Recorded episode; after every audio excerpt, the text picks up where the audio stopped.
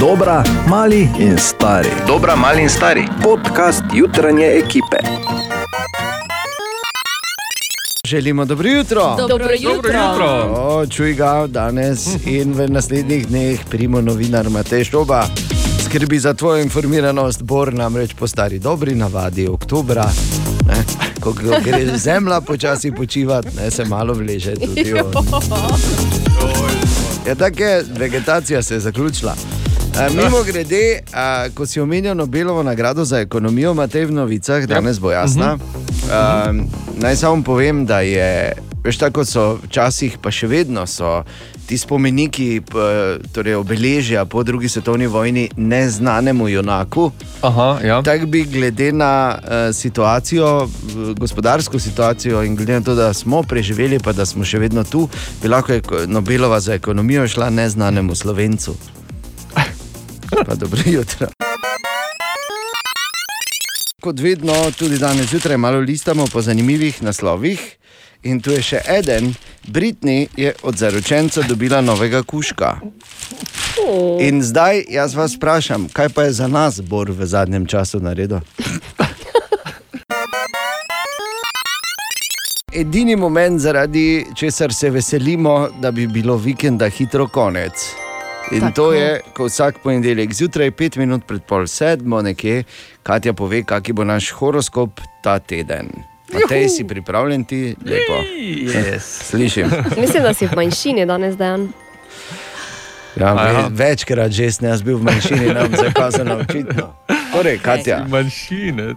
Oven, ta teden boste dobili super priložnost, da si izborite svoje mesto, izkoristite jo, čaka vas zelo organiziran teden. Bik, našli boste optimizem, ki ga potrebujete, čaka vas super teden in tudi nagrada, eh, ki vam bo v bistvu vrnila zaupanje v dobro. Dvojčka. To je bil šoba, veš? Mimo grede. Ni. Ja. Uh, nagrade. lepo. Ja, zaupanje v dobro. Nagrade, je da teden, se lahko hitro staneš. ja, veš, kakšne so same lepe stvari, ki jih mi povemo. Gremo, dvojčka, dvojčka. Ja. Dvojčka, v vas bo velika želja po spremembi in po drugačnem delovanju, žal pa čas za to še ni pravi. Na kompromise trenutno niste pripravljeni. Rak, vaše odločitve ne bodo sprejete in eh, dobro podprte, ne obremenjujte se s tem, na pravi poti ste. Lev, ta teden ne boste čutili, čutili nobenih hujših pritiskov, vse vam bo šlo super od rok. Devica, na vas še vedno močno vpliva retrogradni Merkur. Težko ja. boste pokazali Bi rekel, razumevanje. gledam. Težko boste pokazali razumevanje. Ja. Primanjkovalo bo, eh, vam bo Oj, energije, oj, oj, tudi zmedeni boste. Ja, ja, vse drži. Tehnica, mogoče boste na trenutke preveč iskreni, povedali boste vse, kar vam leži na duši in prav je tako, ampak pazite na način, kako boste to povedali. Doma ostanite, to je vse, kar vam bom rekel. Doma reši, ostanite ta teden. Škorpion, Oj, oj. ta teden boste izkoristili vsako priložnost, eh, kar se vam bo odlično obrestovalo, imeli boste ogromno energije. Strelec, čaka vas eden uspešnejših tednov in tega se boste tiho veselili že od samega začetka. Ko bo pravi čas, boste svoje uspehe rade volje pokazali in delili z drugimi. Kozorok, čeprav boste težko sprejeli pomoč ali lepo besedo, boste v tem tednu deležni kar nekaj lepih in spodbudnih besed. To vas bo seveda spodbudilo, Ja, da ste torej na pravi poti. Bravo. Vodnar, v tem tednu se boste še bolj zavedali svojih prioritet, čeprav vas bodo mnogi videli kot sebične, ostanite na svoji poti. In pa ribi, čaka vas pregled pretekle, preteklega dela in ambicij. Sprejmite pohvale in si priznajte uspeh. A, to je za Bora. Jaz mislim, da boš eh, čakal vas pregled prostate, da boš rekel. Pa daj, no. Katja, Ana, Matej in Dejan, želimo dobro jutro. Dobro Jutro. Ja, pozdravljeni. In vse čas se borim s tem, ali bi prebral ta še zadnjič, še zadnjič, prebral še en naslov, ki sem ga danes zjutraj videl. Povezan je z odstopom uh, avstrijskega kanclerja. Jo. Ne, ne, ne. Ampak glej, ne. ko- Pa ja, no, tak, glej, to je taka To ponarodela. je še zadnjič, zadnja, res je. In naslov pravi, ker jaz imam en dodatek zraven, da je pol tako lepo zaokroženo. Veš? Okay. Ne? A, torej, naslov pravi Avstrija od sobote brez kurca. Jaz pa bi dodal samo še na svadbi.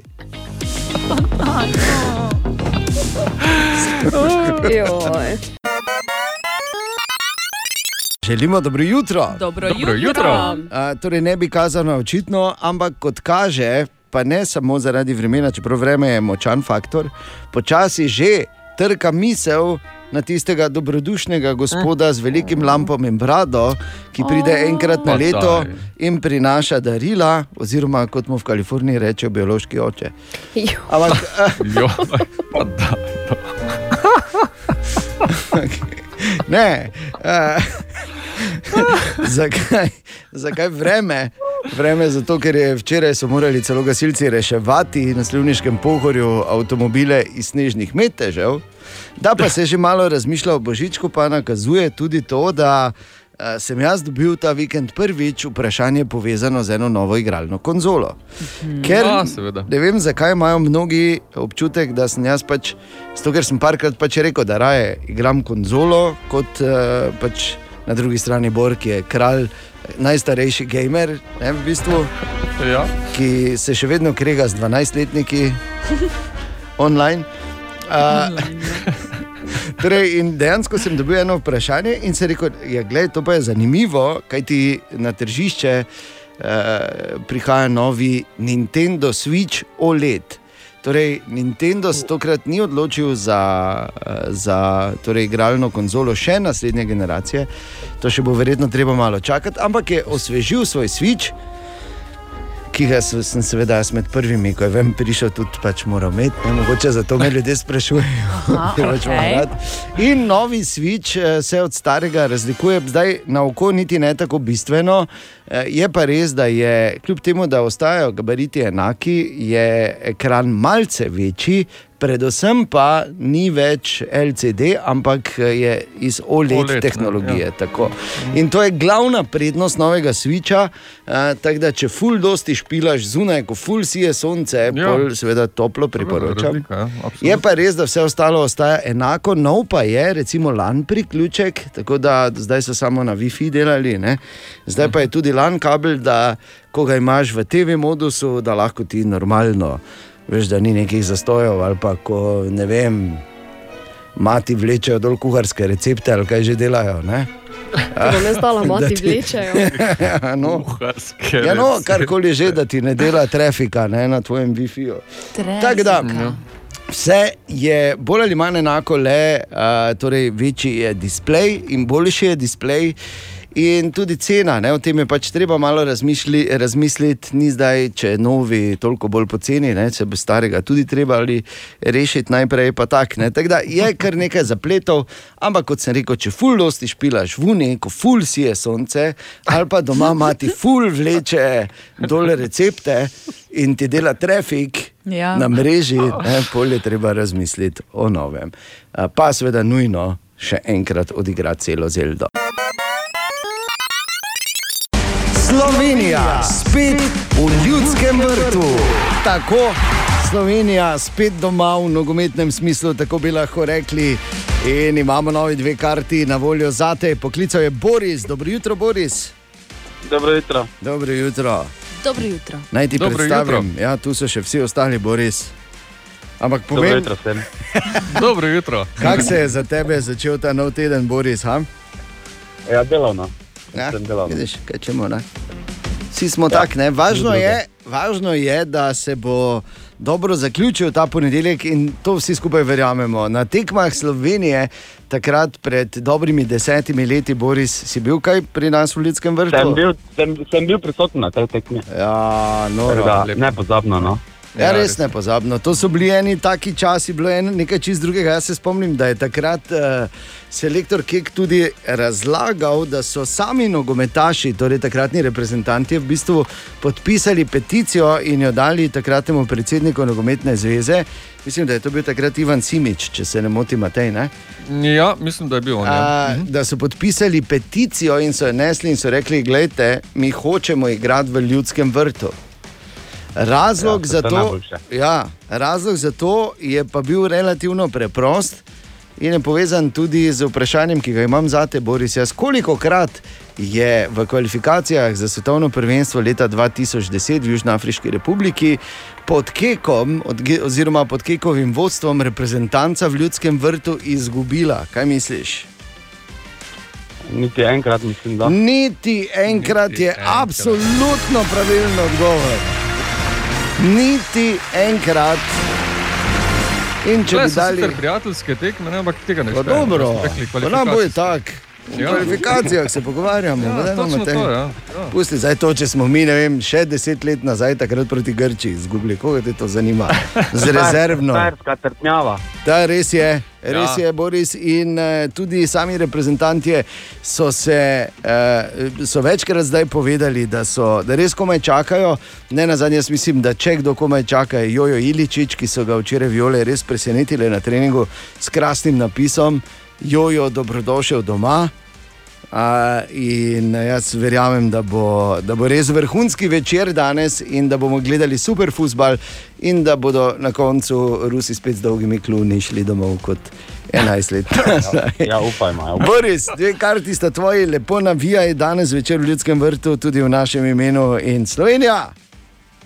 Slovenija. Tako je, Boris, evo ga, še bomo imeli karte za to tekmo danes skozi ves dan, brez skrbi. Slovenija, Rusija, ta ponedeljek v Ljudskem vrtu. Predprodaja kart, spletna stran Nogometne zveze Slovenije, eventim.si in na benzinskih servisih Petrol. Dobro jutro. Dobro jutro. Dobro jutro. Jutro. Pozor, stvar je resna. A, ne, res je, resno je. Uh, Pa ne tako za ne, ponedeljek. no, ne tako resno. Še bolj Aha. Aha. resno. Še bolj resno je. Občino bojo napadli, Rusi, ne. Čau, ne, ne. Rusi, Španci, Italijani. kot Italijani. Ja, ker je italijanska pesem. ja, A ja, okay. ja, redu. Ampak v španski okay. seriji. Ne? To pa je res. Uh, okay. Zdaj, uh, tu pa tam imamo, oziroma se Katja potrudi, da izbrska kak tako imenovani life hack, oziroma utičnik, ki ti izboljša življenje. Mogoče ni najboljši vod, ampak se Imaš vseeno. kakega na lageru? In ima novega Polno. na lagerju. Ja. No, In sicer pazi, ta je izjemno, izjemno ne, uh, koristen, ker pravi, ko te prime, da bi kritiziral koga ali kaj, si zastavi tri vprašanja. Prvo, Ali res moram to povedati? drugo Ali res moram to povedati jaz? in tretje. Ali res moram to povedati jaz v tem trenutku? In žal si jaz na vsa tri vprašanja vedno odgovorim z besedo da. Torej, ne bodi kot dejan. Tako. 16 minut čez sedmo. Ampak zelo zanimivo, zelo ko- koristno in zelo konkretno. Sploh v tem času. Objavi na naših družbenih omrežjih, mogoče pa komu rešimo življenje danes. Ja. Bom se potrudila. Danes je torej že ponedeljek, danes je že ura 7 in 24 minut in želimo dobro jutro. Dobro jutro. Dobro jutro. Dobro Hej, jutro. Ali se spomnite še, kako je to bilo, pa zdaj nočem odpirati kakih starih ran, ampak ko uh, je bil lockdown in smo bili vsi bolj doma in smo nekako so takrat ljudje začeli razmišljati tudi o tem, ja, kako so pa domači proizvajalci hrane fajn, tudi če je dražje, samo da je domače, pa da je sveže, pa da je super. Ne?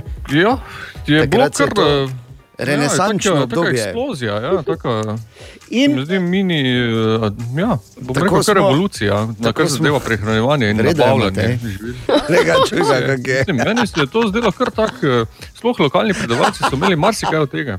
V redu. ja, in tudi eh, mi dva z Matejem sva pomagala, zagotovo. Seveda. Je pa res, da eh, kako pa je zdaj, v bistvu, ko je nekaj časa že minilo, in eh, eh, zato smo se odločili, da preverimo to in sicer. Pri Erni Skok, ki je predsednica Združenja pridelovalcev vrtnin Maribor, ne pod njihovim okriljem deluje uh, na partizanskih hišah kmetij, to je pač nadaljevanje, zdaj, ko več eh, ni tržnice na trgu svobode. In eh, najprej smo Erno seveda vprašali, kako so se meščanke in meščani odzvali na hišo kmetij. Ja, moram reči, da se je proti pričakovanju kar dobro prijelo, ljudje so zadovoljni, seveda, ko pridejo, vsakemu je prostor všeč in to je tudi nam všeč, zato ker se potem stranke tudi vračajo. In uh, zmeraj je pozitivni odziv od strank, ki pridejo. In na začetku epidemije se je torej veliko govorilo o pomembnosti lokalne pridelave hrane, zdaj pa se nekako zdi, da je stvar eh, nekako potihnila, zdaj ali samo se ljudje več ne pogovarjamo o tem, smo ohranili dobre navade ali se je vrnilo v obdobje eh, pred epidemijo. Ja, gledajte, neki procent je ostal tisti, kjer se pač uh, uh, zdravo prehranjujejo. ne. Uh, upam pa, da, da bo ta procent rastel, ne, ker problem je od zadaj tudi uh, kupna moč. ne. Uh, čeprav ljudje bi se mogli zavedati, da tudi če dajo tu par centov več, potem uh, dobijo vse vitamine in minerale in ne rabijo iti po prehranska dopolnila v lekarno. In jim je to praktično lekarna, kot jaz to pravim. In uh, mislim, da se trend popravlja, da so ljudje začeli razmišljati o zdravi hrani in upam, da se bo to nadaljevalo. Ja, hiša kmetij na Partizanski, torej vsako sredo in petek za pač zdrave obroke ne, in domačo, domače pridelano hrano. Ja, gledajte, jaz vse povabim v hišo kmetij, kjer eh, nas šest kmetij skupaj prodaja, zmeraj sveže, lokalno, iz eh, včeraj na Nivi, danes tukaj na mizah in pa že verjetno danes tudi na njihovih krožnikah. No, hvala lepa, evo zdaj veš. In kar veseli je dejstvo, da, uh, da smo ohranili dobre navade, in fajn bi bilo, da bi se tega držali še naprej in kupovali domače, ker je veliko boljše. In kot je rekla Erna, direktno iz nive na mizo. No, vmes še verjetno do umivalnika, ampak dobro. ne. Tudi blatna šalata, gledaj, če je domača. Katja, Ana, Matej in Dejan, želimo dobro jutro. Dobro Dobro jutro. jutro. Danes je torej 11. oktober, oziroma tudi svetovni coming out day. Oh. Tako da, glej, 5 sekund vam dam, zdaj 3, 4. Mm. Ne, noben. Ok, dobro. Okay. A ja, bura ni. O, Tine! In pridružil se nam je Tine. Dobro jutro. Ja, dobro jutro. Dobro jutro. O, šoba. O, O, okay.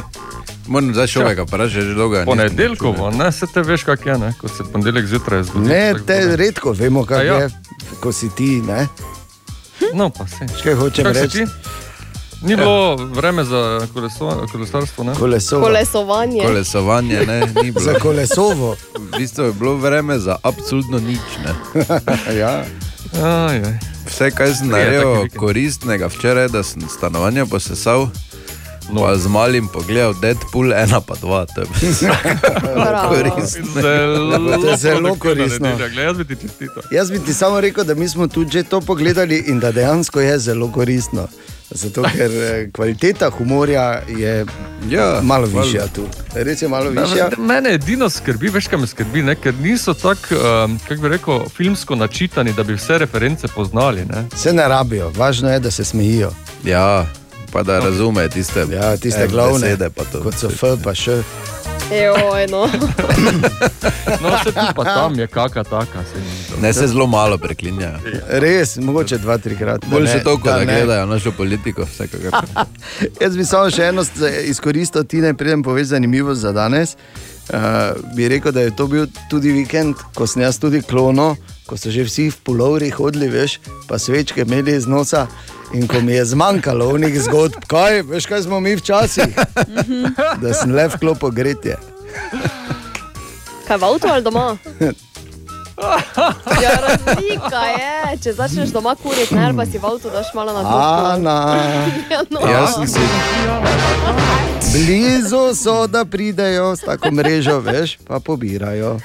jaz sem si celice govoril, ni mrzlo, ni tako mrzlo, še ni, ni, ni. Ni, ni, ni. Jaz sem tudi prepričeval vse, pa moral sem kloniti. Ni Včeraj sem klonil. res, To, kak to. je tvoj plan do novembra v kratkih?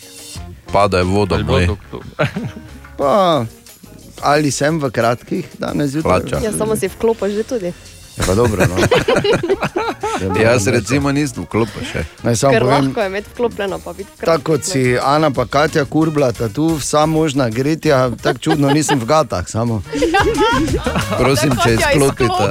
izklopite. Ne, ne, pusti vklopljeno, pa da Ne, ne, vidimo, redu. da vidimo. glej. Ja, glej, idealna temperatura je tam okrog 26. Seveda, da je. Da lahko sploh živiš. Sicer pa vklopi, jaz sem tako vse videl že. sem. Tine, kam imaš za eno zanimivost? še lahko? Ja. je uh, zlati prinašalec, ki je ponovljen v knjigi rekordov, Ja. kot pes, ki je spravil največ tenis žogic v gobec. Seveda je to. koliko jih je spravil? Koliko? deset. Ne, Jo, pa daj, no ne, kaj ti, ti pa si. Zlati prinašalec, zdaj da ni Ti kit. pa si, o, se ni rekel orka, zlata. Pa kaj si ti? Ja, če v knjigi rekordov. Deset. Ne, več kot štiri ne more biti. Pa šest jih je noč spravil. Wow, Res? že to Ja. je absolutno ne deset. Katja, daj prosim, če bi za zila prišli s posredovalno enoto, pa to odpeljali. Imamo tudi vprašanje za aha efekt. Ko ni Bora, se seveda ta vrne domov k Tinetu, postane aha efekt lesi. Redi, hau, hau, pa da košato tačko lepo Tinetu naročje. Pa 17 žogic v. Lapah ima, ne? Ker škotski Ja, očar ima le, ne? vsakič, ko bom videl kakega zlatega prinašalca? Boš mu še žoge, no ti še. Pridi. Ali imamo rekorderja? Pridi, da vidim, če jih sedem dobiš. No. Okay, Katja, da povej, kaj imamo danes. Eno vprašanje. Skoraj preveč šokirana za branje v aha, efekt vprašanja. Kaj smo te zdaj takega rekli? Uh, okay. torej, vprašanje Anke, ki jo zanima, kako glasbeniki, ko pišejo pesmi, že vedo, da neka melodija ali besedilo še ni bilo uporabljeno. Okay. Običajno tako, da jim potem, ko postane pesem hit, to pove sodišče ali pa ko jih toži. Ampak jaz verjamem, da bo Tine seveda znal strokovno odgovoriti. Jaz sem imel odgovor, pripravljen pa si ga povedal. Zafrkavaš.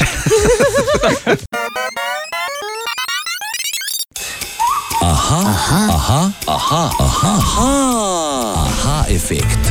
Torej, v aha efektu Tine odgovarja, ker jasno, da ko Bora ni, se aha efekt oglepaj lesi vrne domov, da mu lahko Katja te ni žogice v usta ne. Kaj In da ti ne odgovarja, ja, ti si, ti si, ti, veš.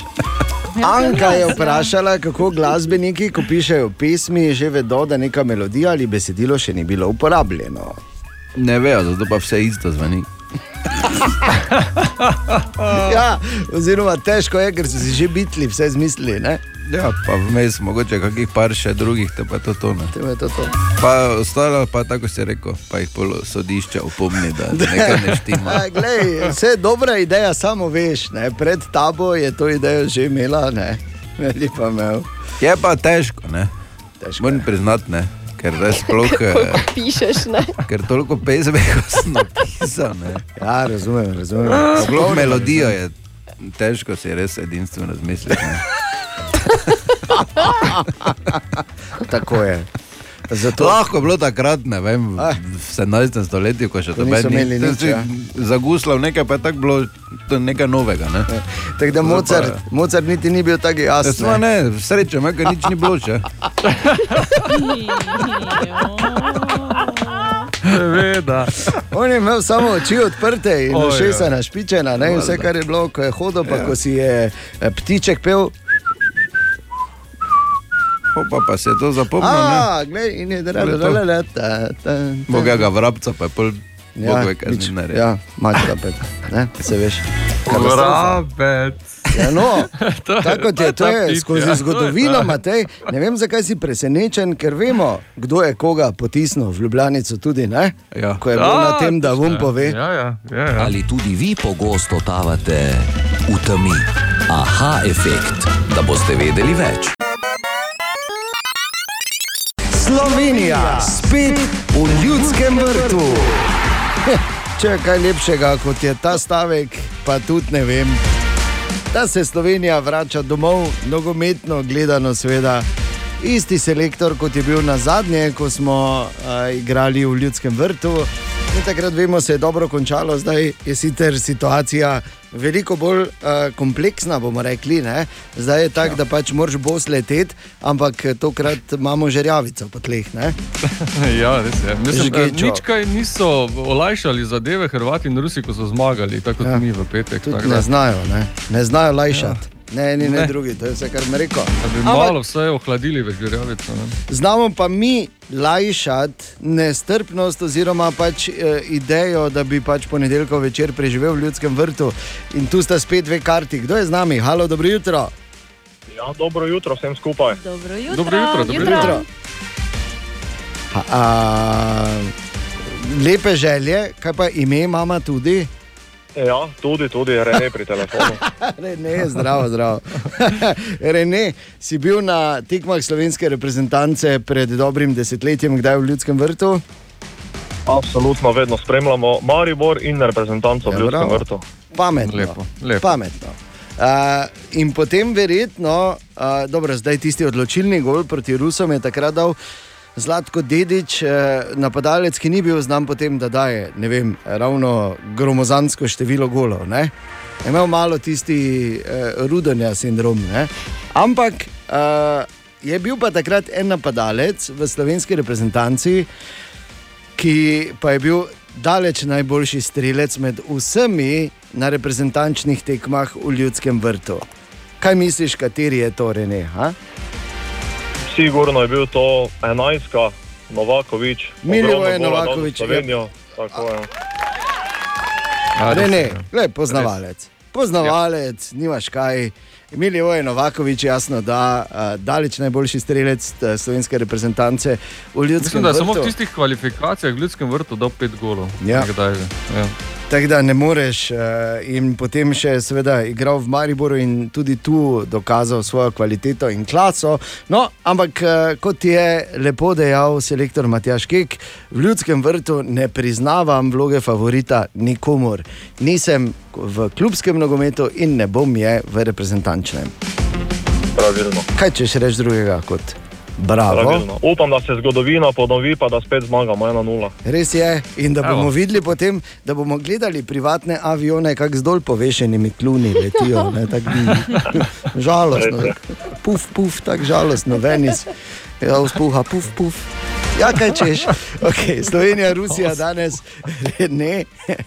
Dve karti sta tvoji, se vidimo v ljudskem vrtu, lepo navijaj. Evo.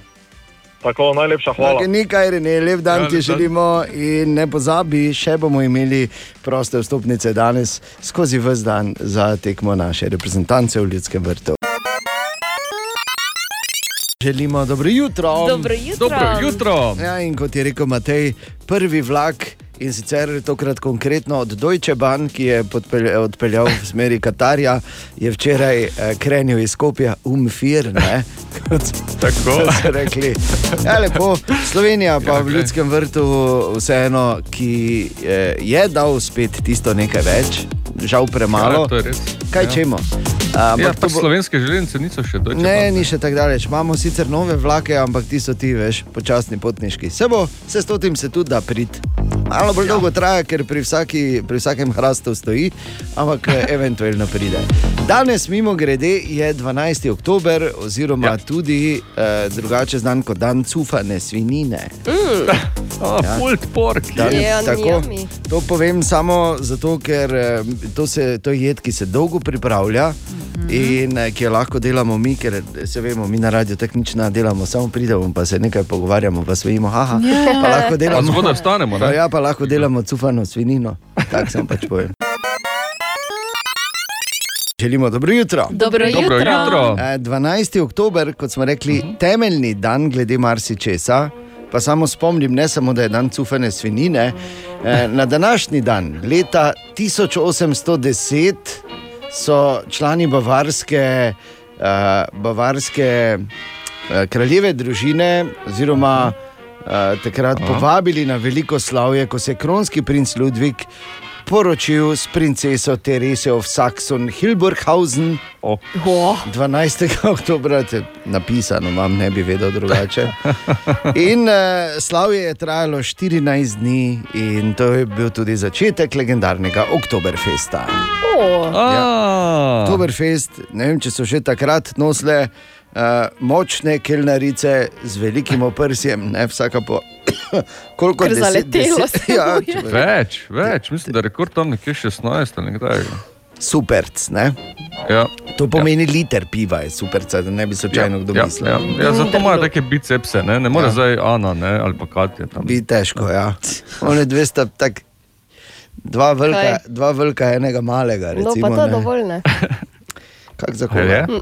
Torej, leta 1868 se je na današnji dan rodil, to sem uvrstil iz posebnega razloga. Samo ena članica jutranje ekipe vozi Audi, če bomo zakazali na ne, bogatijo. Torej, eh, leta 1868 se rodi nemški konstruktor avtomobilov August Horch, brez katerega ne bi bilo Audija. Tako A da, ja. ne, A Differing- nisi pisal Audi? Ne, zanimivo. ne. Ja, So pa ga Audi klicali. A ja, okay. Differinge. Ne. Mista, Audi. Ne, ne bi bilo, ne, Audija. Bog ve, s čim bi se, ne bomo povedali, kdo. Kdo pač v jutranji ekipi? Ja, Ja, ki vozi Audija. Ne. Bog mm. ve, s čim bi se vozila dan danes in kako dolgo bi službo rabila. Leta uh, 1889 se na današnji dan rodi Alma Karlin, kot vemo, ena od uh, najbolj uh, razupitih slovenk vseh časov. Bila je res vrhunska v, v vseh pogledih, v časih, ki niso bili žal, še enkrat moram reči, žal preveč naklonjeni ženskam. In da ne bi kdo slučajno mislil, da se jaz komu želim prikupiti, ker sem že večkrat tako pohvalil. Ne? Ampak morate vedeti, jaz sem feminist po prepričanju. Tako da, Na tem mestu ti Ja, izrekam čestitke. ja, pač povem. Ne? Ja. Ker vemo, definicija feminizma uh, ni ta, da je feminist, feminist ni zdaj ženska, ampak je določeno kot človek, ki je prepričan oziroma zagovarja enakost med spoloma. Ja, Ergo feminist. Evo. premalo čeprav- ljudi to ve. ne. No, evo, tako. Zato sem pa še No, zdaj, enkrat zdaj jih ve malo več. Ja. Tako, ja. In leta 1984, na današnji dan, je, veš, to je bilo tisto temno obdobje, recimo Borovega življenja, ne? ko se je družil jaja na Severnem Irskem, ko so nosili tiste črtaste pulije, pa oske Ojoj. hlače. Ojoj. Na današnji dan so nastavili bombo v Bano od Margar Margaret Thatcher, ki je bila takrat premijejka v Veliki Britaniji. In uh, je, malo so se s timerom se zafrknili, ker je Margaret dve minuti predtem šla ven iz kopalnice, pa jo je raznesla. ne.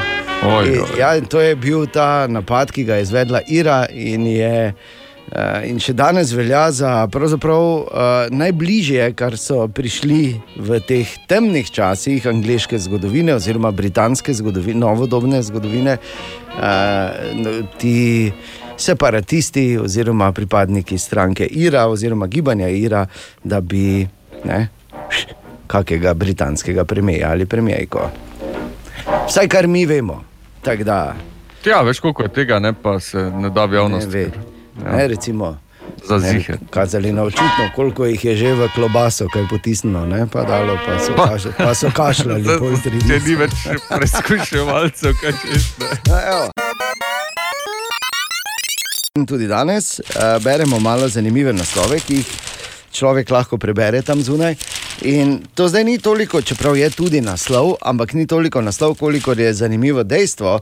Namreč prvi stavek, spregovorjen na televiziji Slovenije ob začetku oddajanja pred 63 leti, kar je mimo grede, ta obletnica je bila včeraj. Uh -huh. Ta stavek, prvi stavek, ki so ga izgovorili, je bil: Vas zanimajo novice.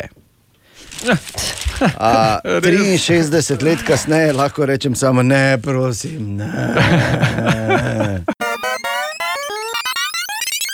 In je ura 6 in 22 minut, slabih 8 minut, pred pol sedmo. Le kako se mi mudi. Oziroma, kak mi, ne, kak mi sili, Katja. No. Ja, seveda, spet sem nekaj kriva. Čuj to, Malo se brzdaj, Katja. No. res je. Čas, čas si vzami, čas je pomemben. Torej, Katja, kaj pišejo, postajo, ripostajo, bla bla se veš. Že čas sem si vzela. zdaj. Reči ga tudi ne smeš. Nov Bond ni časa za smrt, je v prvih dneh na globalni ravni zaslužil že 270 milijonov evrov, kar v bistvu pomeni, da se je zavihtel na prvo mesto po zaslužku. Ja, s tem, Lepo. da v Ameriki, ne, v Ameriki mu je kar fajn odžiral Venom 2, tako da eh, niso čisto zadovoljni z ZDA izkupičkom. Ne, tam je okrog 40, Pa ne to je grozno, 45, pa. takega. Pa to je grozno, Bogi, zakaj so sploh je. delali? Zakaj so sploh delali? Okay. Pri Ampak Snap- namik, ne, Venom 2. Ja, in jaz sem že doma, že imam pritiske, 14. boje pride v kino. To mi je že bilo predočeno. Aha, imaš že zapisano v Katja, koledarju. oprosti, ampak se veš. Ni problema. Pri Snapchatu so se ob dnevu mentalnega zdravja, oziroma so se odločili ob dnevu mentalnega zdravja sprožiti novo pobudo za podporo duševnemu zdravju. Torej, v bistvu bodo sodelovali z zvezdniki, ki so kakorkoli bili vključeni, oziroma so utrpeli kakršne koli poškodbe, posledice v bistvu zaradi. Uh, Duševnega zdravja in uh, hočejo mlade ozavestiti o tej problematiki. To se mi zdi fino, ampak približno tako, da bi vem, Burger King imel serijo o zdravi hrani. Oziroma prehrani. Približno v tej kategoriji je to. Okay, no, ampak delajo pa nekaj, ne? Boljše to kot pa nič. Ne, boljše bi bilo, da bi se. Ja, Svoj imič predvsem polirajo. Tako, le, Ja. res je, boljše bi bilo, da bi se kuj vgasnili. Okay. Pri Legotu so se odločili, da, svojih, eh, oziroma, da ne bodo delali nobenih razlik več med Lego kockami za punčke in pa fantke. Svoje izdelke namreč želijo popolnoma osvoboditi kakršnih koli nalepk, ki razlikujejo med spoloma. Zato, No, ker pa prihaja do norčevanja. Ne, Eh, Ja. reci, ne, ne, ostajajo Lego Franci, ampak ne bo več roza embalaža. A, to je to. V tem A se pravi, totalna Eh. maskulinizacija. Torej, Ne, ne. Ja, pač- če ne bo več roza, Ja, Vse bo zeleno. ja, ne, to je mislim, ne razumem. Mogoče zdaj, bo torej pa s- belo, Ne, vse okej. bo plavo, zdaj se boš videl. Vse prav. In pa Yes. Kaj ti bom jaz dala? Šovinizem 2021. Moram verjeti, nič ne gre skozi danes. Zvezdnik serije, zvezdne stene, steze. Stene, prav si rekla, zvezdne stene. To je, to je ta serija. Star Zvezdne Wars. Ne, Star Trek. William Jaz sem Shatner. mislil Star Wars. Ne, ne, ne. William Shatner, Captain Kirk. Tako bo pri svojih 90 letih postal najstarejši človek, ki bo obiskal vesolje. Poleteli naj bi sicer že danes, vendar je polet zaradi močnega vetra v Teksasu prestavljen na jutri. Kdo je vse skupaj organiziral? Jeff Oni, Bezos. kelavi? Bezos, tako. Vse je normalno, če grejo z Teksasa, ker maskovi grejo iz Cape Canaveral, ne na Floridi. Uh, bi pa samo povedal to, da uh, je po vseh teh letih imamo končno zadoščenje, mi, ki nismo ravno hejteri, samo pač zavračamo zvezdne steze. pač jih zavračamo. In je po vseh teh letih je končno in prav Captain Kirk bo šel boldly, where no man has ever gone before. In sicer, da bo pokazal tudi simbolično, ker vemo, kako izgleda vesoljska ladja od Bezosa. Ne?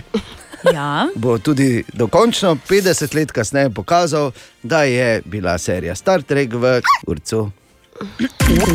Webcheck.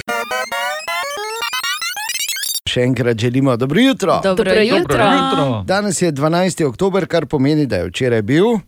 Ja, 11. 11. Tako, oktober. in uh, ker je bil 11. oktober, smo se že včeraj popoldan vprašali. Hmm, točno mesec dni je do Štajerskega novega leta. Uh, A pa res, ja, pa res.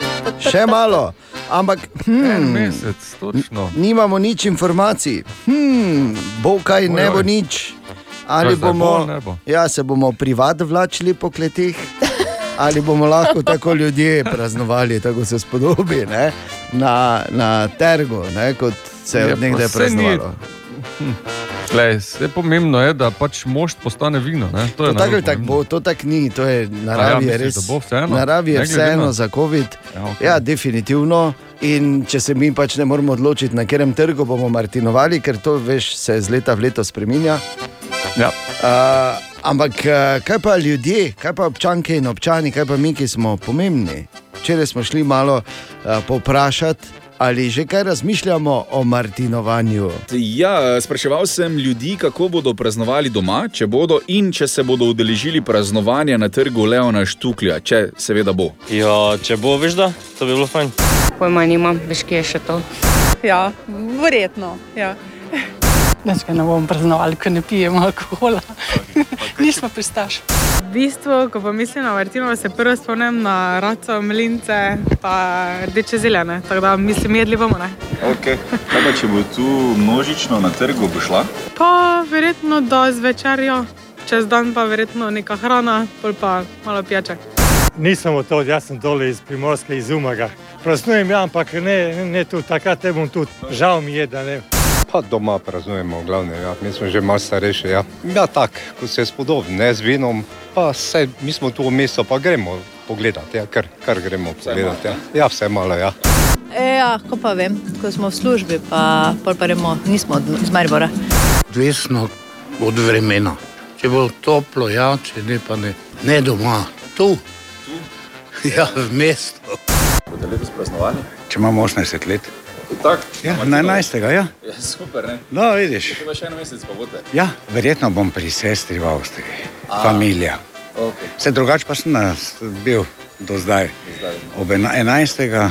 11. ob 11. 11. Tako se praznuje 11. 11. ob 11. in 11 minut. Tako.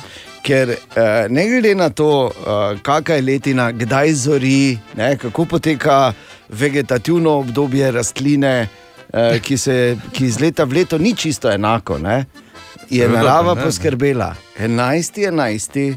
ob 11. in 11 minut. Točno takrat. Točno takrat. Pa še 11 sekund, Ja. ne, mora biti na koncu. Vse mora biti na 11, in takrat, ko so rekli, so gledali, kje bo začelo, pa so tako vrteli globus, ne, ne, ne, ne, ne, ne, ne.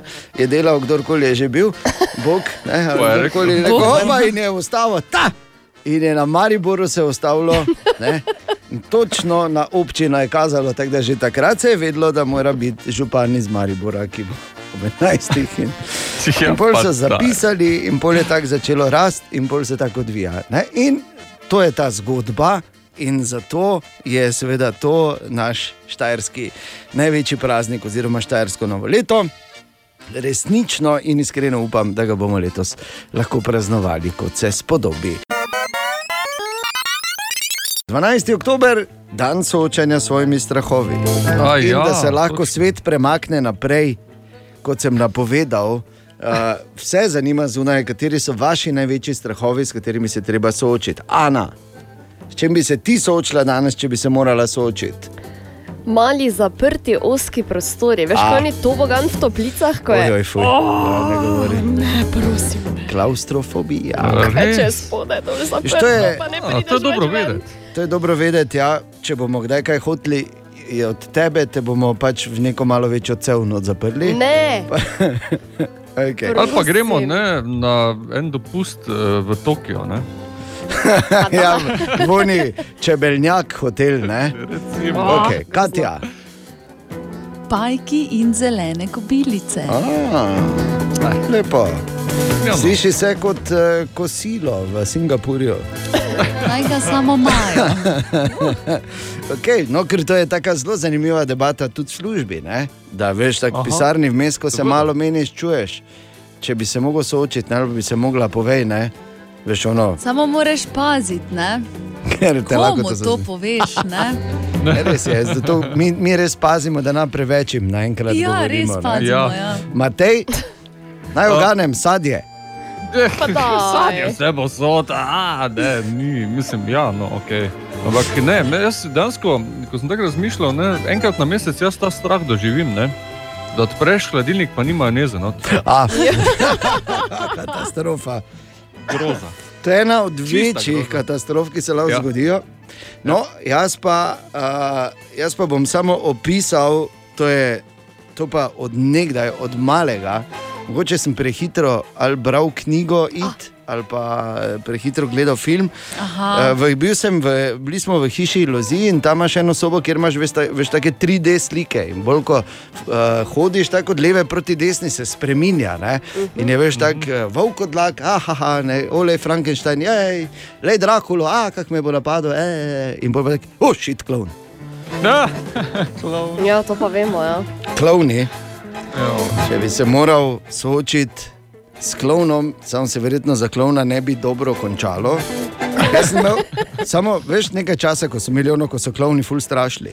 Ojoj, ko so grozno. snemali. Ja, ja, To, ja. to je bilo za mene Skiji. izjemno stresno obdobje. Ker jaz bogi. prisežem, če bi meni skočil ven klon, jaz se ne bi, mislim, ne vem, se dobro, se, ne vem, kaj bi, nekdo bi ležal takrat, ali mene, ker bi kapal, bi pač jaz v trgu v oni paniki ven, e, robnik pa ga vrgal klovno v glavo, ne vem, kaj bi bilo. Tisto je bilo za mene izjemno stresno obdobje. Kadarkoli sem šel sam po mestu in že zjutraj, ko sem šel v službo, samo iz avta, pa tudi temi mi je že bilo, jo samo nami skoči ven, samo nami skoči ven, samo nami skoči ven. Da, no, zanimiva debata, deluje rahlo terapevtsko, a, dan soočanja s svojimi strahovi. Ja, Ne, ne, ne. no. Seveda kak- deluje. Oh, Seveda deluje. Mene mrazi, zdaj od klovnov pa ko Ti nimaš sezone kobilic, tako da se ne sekiraš. Medtem ko Ana ima sezono, sezono. sezono malih hororov. Ne vem, če se ti je to kaj zgodilo v kateri od debat, ampak da si prišel, pa so rekli, gledaj, sploh ni gob. Ni gob, no. ja, Če rečem, gob. ni To sem jaz gob. tudi že zasledil letos. Absolutno ni gob. Neka vam lahko jaz nekaj povem. Daj, no. Joj, ne zdaj. Tri ne. dni nazaj sem poha ne jedla. Po, bravo. Ali si jih tudi sama ubrala? Ne, to pa ne. A no, vidiš, Imam. ne šteje, ni isto. Imaš svoje vire, ne? To Pohane marele. Tako na pravi Nisem gobar bila izda svoje lokacije, ne, se to mi jasno. Se pohano je vse dobro, ne? Pohan, če bi prdec bil dober, po mojem. No, skratka. Pa je šlo. Gob je ni. Ne vem, če ste vedeli, ampak eh, prvi gobar eh, jutranje ekipe Matej Šoba. Noben drugi ne. ne nabira gob, samo on. Kaj ti gobe nabiraš? Veš, da? Veš, Pa, kak? niti ne, no, včasih sem jih več. Samo če ni gob, ni gob, razumeš? Ni. Ja, ne, gob. to res, da ni gob? In to je, to je bil problem, ki sem ga izpostavil tudi naši naj in je malo šla preveriti, ali res drži to, kar pravijo, da je letos gob manj naja. Dobro jutro. Dobro jutro. jutro. Dobro jutro. Ja, izkušeni gobarji pojasnjujejo, da je število gob res manjše, saj se je poletno vreme zavleklo v mesec september in s tem premaknilo začetek jesenske gobarske sezone. Kaj še vpliva na rast gob, razlaga Slavko Šerot, predsednik gobarskega društva Lisička Maribor. Zdaj pri teh gobah, kot so recimo jurški in lisičke, ti so vezani na drevesa. Ne? In eh, recimo te, teh je manj, če naredijo poseko. Ko zdaj se pa dosti seka, veste, zaradi lobadarja, zaradi žleda, pa tako naprej. Ne? Tam sigurno teh gob, ki so bile povezane z drevesom, zdaj ni, ne? ker pač partnera več ni ne? in nimajo, nimajo hrane, da tako rečem. ne. Medtem ko marele, težniki, ne, ti pa so gnilo živke, ti pa zrastejo na nekih ostankih lahko, ne? tako da te marele najdemo še kar. Vrhunec gobarske sezone napoveduje ob koncu oktobra in začetku novembra, seveda, če ne bo preniskih temperatur.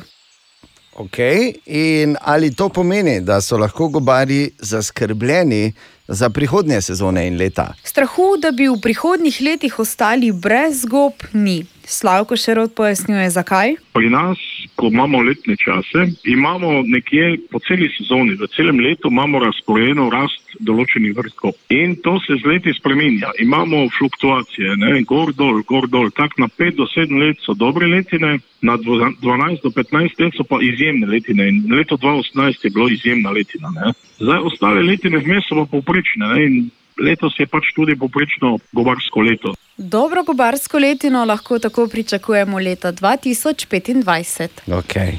Skratka, nič ni narobe, samo normalno je. Ampak smo že tako razvajeni, da če nič ne štrli ven, ne, da je težava. Ampak, če ti pa bo, Matej, mogoče, ne, če ne najdeš toliko časa, vseeno obstaja način, uh, kot pač eh, gobarki v mirovanju, kar Matej Mhm. očitno je. Ja. Uh, miceli, torej semenski material, naseliš na substrat, na katerem želiš gobe gojiti, ustvariš pogoje in počakaš, da ti zrastejo doma. Ah, Pač povem. Veš kaj, bom raje počakal na naslednjo sezono.